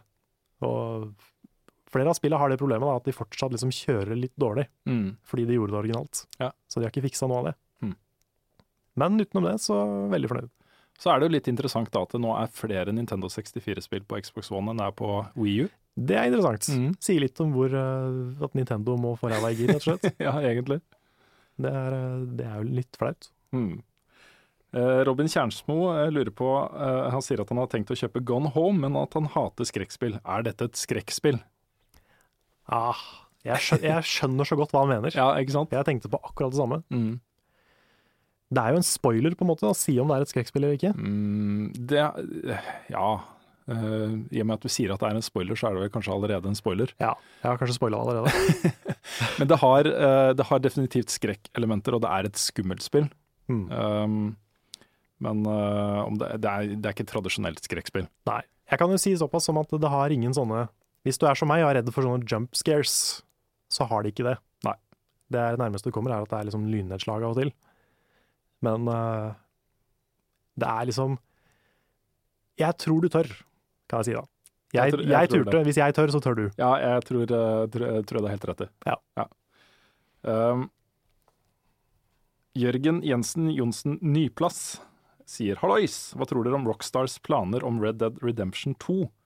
Jeg hadde forhåpninger for etere, etter det fikk jeg forhåpninger for Gamescon. Kan Rockstar overraske alle med en tidlig julegave, eller er det bare ønsketenkning? Jørgen, det er bare ønsketenkning. Ja, det er det. Det skjer ikke noe i høst, i hvert fall. Nei, spørs. Nei, Det er vel ikke, Rockstar er vel ikke så store på Tokyo Gameshow at de gjør noe. Nei, det er nok ikke det. Nei, altså, de har jo en, de har ikke for vane å annonse spill årevis før de kommer. Eh, så når de først annonser Red Dead Redemption 2, som jeg jo forventer at de gjør eh, hvert øyeblikk, så er det nok ikke så lenge til. Men eh, tidligst 2016, vil jeg tro, da. Det, noe annet ville overraske meg stort, altså. Ja. Er vi sikre på at de jobber med det? Eh, det, har, det er mer eller mindre bekrefta. det har ikke vært noen offentlig announcement på det ennå, men eh, eh, jeg mener de har sagt noe om det i noe sånn financial et eller annet. Ja, OK. Så kan det hende at jeg tar disse faktaene ut av rumpa, som jeg pleier å gjøre, men, eh, Kanskje. men det, kommer, det kommer jo et Red Dead Redemption 2. Eh, alt annet ville vært veldig rart. Eh, og når og hvis de gjør det, så, så har jeg veldig veldig store forventninger, fordi Red Dead Redemption var så bra. Det var så bra. Så Hmm. Ville Vesten. Ja. Kanskje de t- tar det litt fram i tid igjen. Ja, Kanskje kanskje. følge litt den der utviklinga til eh, Once Upon a Time in the West, Red Dead Noir. for eksempel. Mm. Nei, men det skjedde jo så mye rundt eh, århundreskiftet i USA der. Eh, og Red Dead Redemption foregår liksom på 1880-50-60-70, tror jeg. Mm. Eh, Men akkurat rundt årsskiftet så er det fortsatt den der brytninga mellom Ville Vesten og det siviliserte samfunnet er så spennende. Det er så mye kult der, hvor eh, det begynner å vokse fram byer og sånt, men det er jo lovløse tilstander fortsatt. Så der er det mye å ta av. Altså. Så, så det er det jeg håper. At det liksom flytter det fram 20-30 år, eh, får inn en del nytt. Du så Ja. jo tendenser til det i Red Dead Redemption også, med at det begynte å komme litt biler og vokste fram litt bankvesen og sånne ting, liksom. Mm. Så ja. Mm-hmm. Spennende. Eh, skal vi se. Spørsmålet er fra skal vi se, Stine Linseth. Hva tenker dere om at Earthbound Beginnings om, om at Earthbound Beginnings-lanseringen? Tror dere dette betyr at vi vil få Mother 3? Jeg håper det. Mm. Det er jo mer sannsynlig nå, i og med at de har sluppet et spill som aldri kom utafor Japan til å begynne med. Så kanskje det er en sånn pre-greie til Mother 3. Det er lov å håpe. Nå er jo selve Earthbound Beginning så er jo et spill som kanskje ikke holdt seg så bra. Så det er eh, Jeg vet liksom ikke om jeg vil anbefale folk å spille det. Da spill heller Earthbound, for det er på en måte en bedre versjon av det Earthbound Beginnings eller Mother 1 var. Men eh, Mother 1 har ikke holdt seg så bra. Men hvis det betyr at vi får Mother 3, så er jeg veldig, veldig klar for det. Mm. For det er et spill som eh, verden fortjener å oppleve, Ja, ikke sant. rett og slett. Det har vært kult også å sett liksom, eh, på en måte de konseptene eh, videreført inn i moderne tid. Ja. På et eller annet vis. Mm. Fordi det er på en måte noe der som kan leve veldig godt i sin egen lille eh, univers fra den tiden, liksom. Men det er så mye interessant der. Jeg har ikke spilt det selv, men jeg har sett dine innslag om det og sånt, og er så nysgjerrig på universet, liksom. Mm. Og Da er det mulig å gjøre nye ting. Ja, definitivt. Det hadde vært kult. Eh, Hans Jørgen Molstad eh, spør Ettersom Tomb Raider og Fall- Fallout kommer samme dag, hva kommer det til å spille først, og hvorfor? Godt spørsmål. Hm, De kommer samme dag, ja. ja, jeg vet ikke, men han har sikkert rett. Det, ja, det stemmer sikkert. Ja.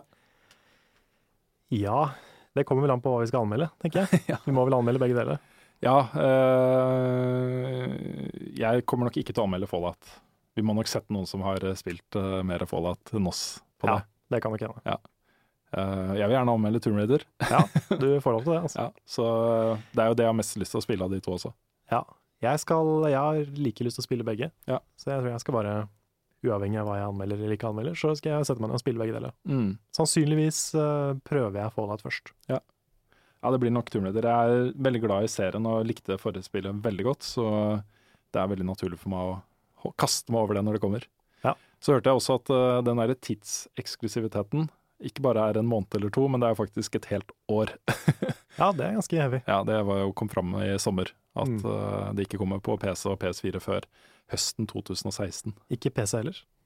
Eh, nei, jeg tror det er begge plattformer. Ja, Ok. Kanskje det kommer på PC, forresten. Jeg lurte på om kanskje Ja, det kom på ok. PC Ja. først, men jeg er ikke sikker. Vi skulle ha googla ting før eh, Vi sendingen, skulle- ja, men det kommer vi aldri til å gjøre. Level up cast info. Always correct. Eh, Magnus Tangen lurer på hva vi syns om Rocket League. Hadde vært awesome med en duell i det. Og Det blir en liten spoiler, men vi har jo definitivt snakka om å ha med det i duellen. Det har vi. Ja, det, er, altså, det, det ser så gøy ut. Jeg har jo ikke spilt det. Jeg har lasta det ned, installert det, klart å spille det, men ikke kommet i gang ennå. Nei. Det ser så gøy ut. Ja, Lars driver og spiller det. Ja. Han er helt frelst for det, så um, må prøve det. Og Det er da et eh, slags eh, fotballspill med biler Ja, hvor det er eh, biler som spiller fotball. Ja, omtrent. Mm. Det Lars sier også at han, liksom, han har aldri interessert seg for et fotballspill, eller fotball, men det er kult. Ja. Så det gir meg jo litt håp. Ja da. Nei, altså, jeg har sett en del videoer fra det, og det, det er på en måte sånne spill som bare kommer ut fra ingenting og blir en greie. Og alle, jeg- Nesten alle jeg kjenner og spiller med, de snakker om det spillet og eh, spiller det. Så, så det har blitt ganske stort i løpet av sommeren.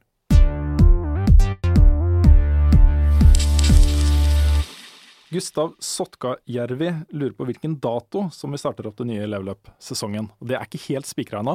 Ikke helt. Nei, vi har, jo- vi har jo for vane å lansere nye sesonger med anmeldelse av et stort nytt spill.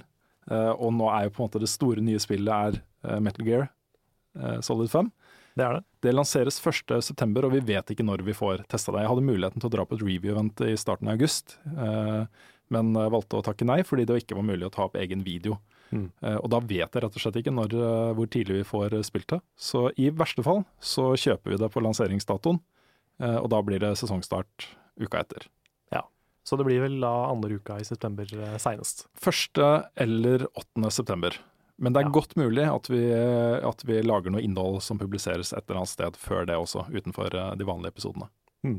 Så lik oss på Facebook, eh, følg oss på YouTube. Det Yes. kommer til å skje ting der. Kommer til å skje ting. Ja. Skal vi nevne det også med YouTube-kanaler? At vi, vi kommer til å bruke ikke bare Level Up VGTV. Ja, det kan være. Ja, eh, fordi eh, vi har jo, både Lars og jeg har jo flere abonnenter enn det Level Up-kanalen har. Så vi kommer til å bruke våre egne kanaler litt også, til å på en måte promotere og legge ut ting da. Så det kan være lurt å følge de to kanalene også, hvis du vil få med deg alt fra Level Up. Absolutt. Og Nick har sin egen kanal, og Svendsen har sin egen kanal, og Ja, vi har jo egne kanaler alle sammen, alle sammen. så det er lurt å abonnere Til på alle. og med jeg, Til og med du har. Du har sånne der, eh, morsomme klipp fra mange år tilbake. Ja, det er vel blant annet en Secret World blowjob inni der. Ja, eller jeg vet ikke hva jeg- hva man kan kalle det. det. er bare- Ja, jeg husker ikke om det var noe. det er mulig det Noe var noe greier, sånt. jeg Ja. vet helt rått. Noe gammelt ræl. Mm. Ja. Nei, Så blir det kanskje mer da spillelister på eh, Level Up VGTV sin kanal. Og så legger vi kanskje ut eh, Let's Plays og ting vi streamer og innslag og diverse Ja. der også. Men eh, Det skal jo helst være mulig å liksom gå inn på Level Up VG-kanalen, eh, finne en spilleliste med alt, Mm. så man slipper å liksom leite rundt etter inn, Ja. inn, innhold. ja, vi skal få orden på det greiene der. Ja, Det skal, være, skal ikke være umulig å klare å følge med. Peter Alexander Holte lurer på hvorfor vi ikke bruker 1-10-skala når vi anmelder spill. 1-6 blir for lite spekter, synes jeg.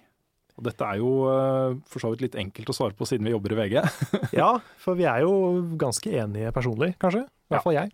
Ja, altså, jeg er ikke sånn tilhenger av eh, karakter, eh, sånn konkret karakter, egentlig. Men én til ti gir jo mer nyanser, og jeg merker jo det som anmelder også, at det er l- mye lettere for meg å gi en ni av ti enn en uh, terning av seks. Mm. Altså, det, det føles bedre, da. Ja. Det å ha den ti av ti som sitter så langt inne at det kanskje bare er ett spill i året som får det. Mm. Eh, mens en seks av ti er Nei, seks seks av seks Mm. eh, har jo et større sp spennvidde. Ja. Så blir det jo det blir automatisk mye firere og femmere, Mm. fordi eh, det er mange spill som er bedre enn en treer, Ja. men ikke så bra at de er en sekser. Så det, er liksom, det blir ofte fire og fem, da. Altså, jeg tenker mer sånn, hør på hva vi sier, hva vi trekker fram, hva vi, eh, hvor- hvorfor vi liker ting, er viktigere enn hvilket, akkurat hvilket ternekast vi gir det. Ja. Men, eh, men grunnen til at vi gir ternekast er jo at det er eh, VG-tradisjon. Mm. Eh, Det er sånn det er. Vi eh, kan ikke plutselig begynne å innføre ti bananer når eh, vi har VG-terningen som er godt etablert Nei, det er sant. over mange år. Kanskje vi hadde klart å få sånn her D&D-terning, Ja, som hadde 20. kanskje Mm. Mm. Ja. Nei, vi har jo lekt med tanken for en del sesonger tilbake å, å gi én til ti også, eh, som jeg diskuterte. Det var kanskje før level up. Ja, stemmer det. det. Det er lenge siden vi snakka om, men vi gjorde det. Sånn at du får liksom et ternekast, og så får du en én til ti-score også. Men det, vi kommer ikke til å gjøre det. Nei. Det blir ternekast. Blir det, gitt. Eh, William Helle Hestad lurer på hva vi syns om Minecraft story mode. Noen forventninger. Ja. Det er jo Telltale. Mm. De lager jo som regel bra ting. Ja. Jeg merker at den oppskriften deres begynner å bli litt sånn Det begynner å bli litt for tydelig at valga dine har veldig lite å si. Spesielt i Game of Thrones. Så føler jeg liksom at hver gang jeg tar et valg, så ender jeg opp på samme sted uansett. Og det blir liksom litt tydeligere for hvert spill. Mm. Men ehm, hvis noen klarer å lage en historie i Minecraft, så er det vel kanskje de? Ja, Ikke jeg. kanskje. Jeg, jeg vet ikke. Nei. Kan jeg nevne også at eh, jeg var jo med på Ja, det ehm, Sånn apropos. Apropos, Ja. det, det er en stund til det kommer ut ennå, Ja. men Rune har vært med på eh, sesong tre av min eh, YouTube-serie Minecraft Multi-Hardcore, Mhm. som eh, du, du ble endelig med. Jeg ble endelig med. Veldig bra. Ja. Det var veldig kult at du stilte opp, Det var kjempegøy å være med. så jeg skal ikke si noe om hvordan det gikk med deg. Nei. Men eh, vi har begynt å spille inn, vi er ikke ferdig, og det skal klippes, så det tar litt tid før, eh, før det er i gang. Mm. Men eh, Rune er med. Jeg har eh, spilt Minecraft Du har spilt Minecraft. for første gang. Det, er, eh, det er bra. Vi har din, dine første minutter med Minecraft på film. Jeg har lært å lage pickaxe og Ja, ja. mm. Du klarte å lage en Planker og- button og Jeg gjorde det. alt mulig greier. Alt mulig. Det er flott. Jepp. Ehm, siste spørsmål eh, for denne gang. Eh, vi vet ikke helt om vi er tilbake med en ny podkast neste uke, eller om det blir to uker til, fordi vi er jo på en måte ikke eh, ordentlig i gang ennå, men Nei. eh, vi får se. Vi får se. Ehm, Amandus Furuvoll som lurer på om vi kan lage en level up behind the scenes-video. Og det har vi snakka en del om. Ja, vi lagde jo en for eh, mange sesonger siden. Det var sånn sesong fire, tror jeg. Ja, vi har lagd, eh, I to, to tilfeller så har vi faktisk lagd behind the scenes. Det ene var når eh, vi hadde en på, eh, på arbeidsuke hos oss. Han filma en del, og så lagde vi en liten greie av det. Ja. Eh, og så var det når eh, niesa mi eh, skulle lage et eh, prosjektarbeid Ja, stemmer det. på Level Up, så lagde hun også behind the scenes og filma en del på eh, Spillexpo osv. Så, videre. Mm. så de videoene eksisterer jo der ute. Men vi har jo snakka om at det hadde vært kult å få lagd en liksom eh, litt større ting hvor vi snakker med alle de som er involvert i å gjøre det litt seriøst, da. Ja. Så kanskje. Litt sånn eh, halvtimes liksom skikkelig level up-dokumentar. Litt sånn som da, da eh, Polygon eh, ble lansert, den der spillnettstedet til eh, The Verge, så lagde de det først da. Det, før de lanserte det nettstedet, så hadde de en behind the scenes-video. Ah, ja. Så var det da ultrapretensiøst. De skulle jo revolusjonere spilljournalistikken, og det var ikke måte på hvor presteetiske det skulle være, og hvor eh, alvorlig de skulle ta spill som kulturform og, og så videre. Ok. Eh, nesten litt sånn parodisk. Ja, Kanskje noe sånt. At vi gjør det sånn superpretensiøst, at vi er kunstnere alle sammen. Ja. Mm. Så altså, når vi anmelder spill, så tenker vi på hva, hvilken farge man føler inni seg når man, når man spiller spill. Mm. Og hva smaker den fargen? Hva smaker den fargen? Mm. Og kommer den opp igjen? Eller ut? Eller ut? Og Eller hva inn? er egentlig ut? Hva er ut, og hva er inn? Og hvilken farge har det? Jeg vet ikke. Vet du? Skriv en kommentar i kommentarfeltet. prata altfor lenge, Karl. Like og subscribe. ja, eh, ja vi har, snak- vi har, det er blitt en lang podcast. litt for lang podkast. Begynner å bli sliten i stemmen. Ehm, da er vi ferdige for denne gang. Første podkasten i eh, nye sesongen. Yes. Eh, vi er snart i gang med ordentlige episoder av Level Up og lager video og dueller og alt mulig rart. Greier. Vi skal på messe, vi skal på Spillexpo, vi skal på e-sportdagen. På, eh, det er vel også eh, tror jeg 21. august. Ok. Jeg skal i hvert fall dit. Ja. Um, vi skal på s- eh, retromessa i Sandefjord. Det skal vi også. Ja, vi skal gjøre så mye Det er greier. så masse greier. Ja, det er så mye greier. Jeg gleder meg. Rydde Retrospill kontoret skal vi blir gjøre. veldig gøy. Ja, Rydde kontoret skal vi gjøre. Ja. Det blir kjempemoro. Ja, det blir, åh, det blir skikkelig bra. Mm. Det er kanskje det beste. Vi takker for oss eh, for denne gang, og så er vi tilbake. Vi, vi prøver å lage en neste uke også, Karl. Gjør vi ikke det? Jo, vi kan Ja, prate om vi kan være i gang igjen om podkasten, syns jeg. det. Good, good. Ja. Da ses vi neste uke. Vi gjør det. Ha det bra. Ha det.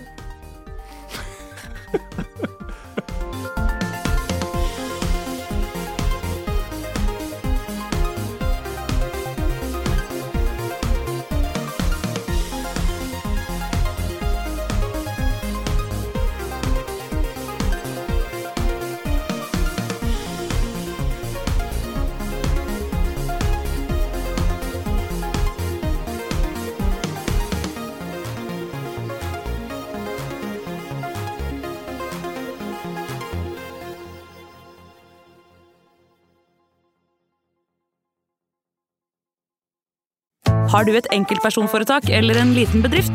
Da er du sikkert lei av å høre meg snakke om hvor enkelt det er med kvitteringer og bilag i fiken, så eh, vi gir oss her, vi. Fordi vi liker enkelt.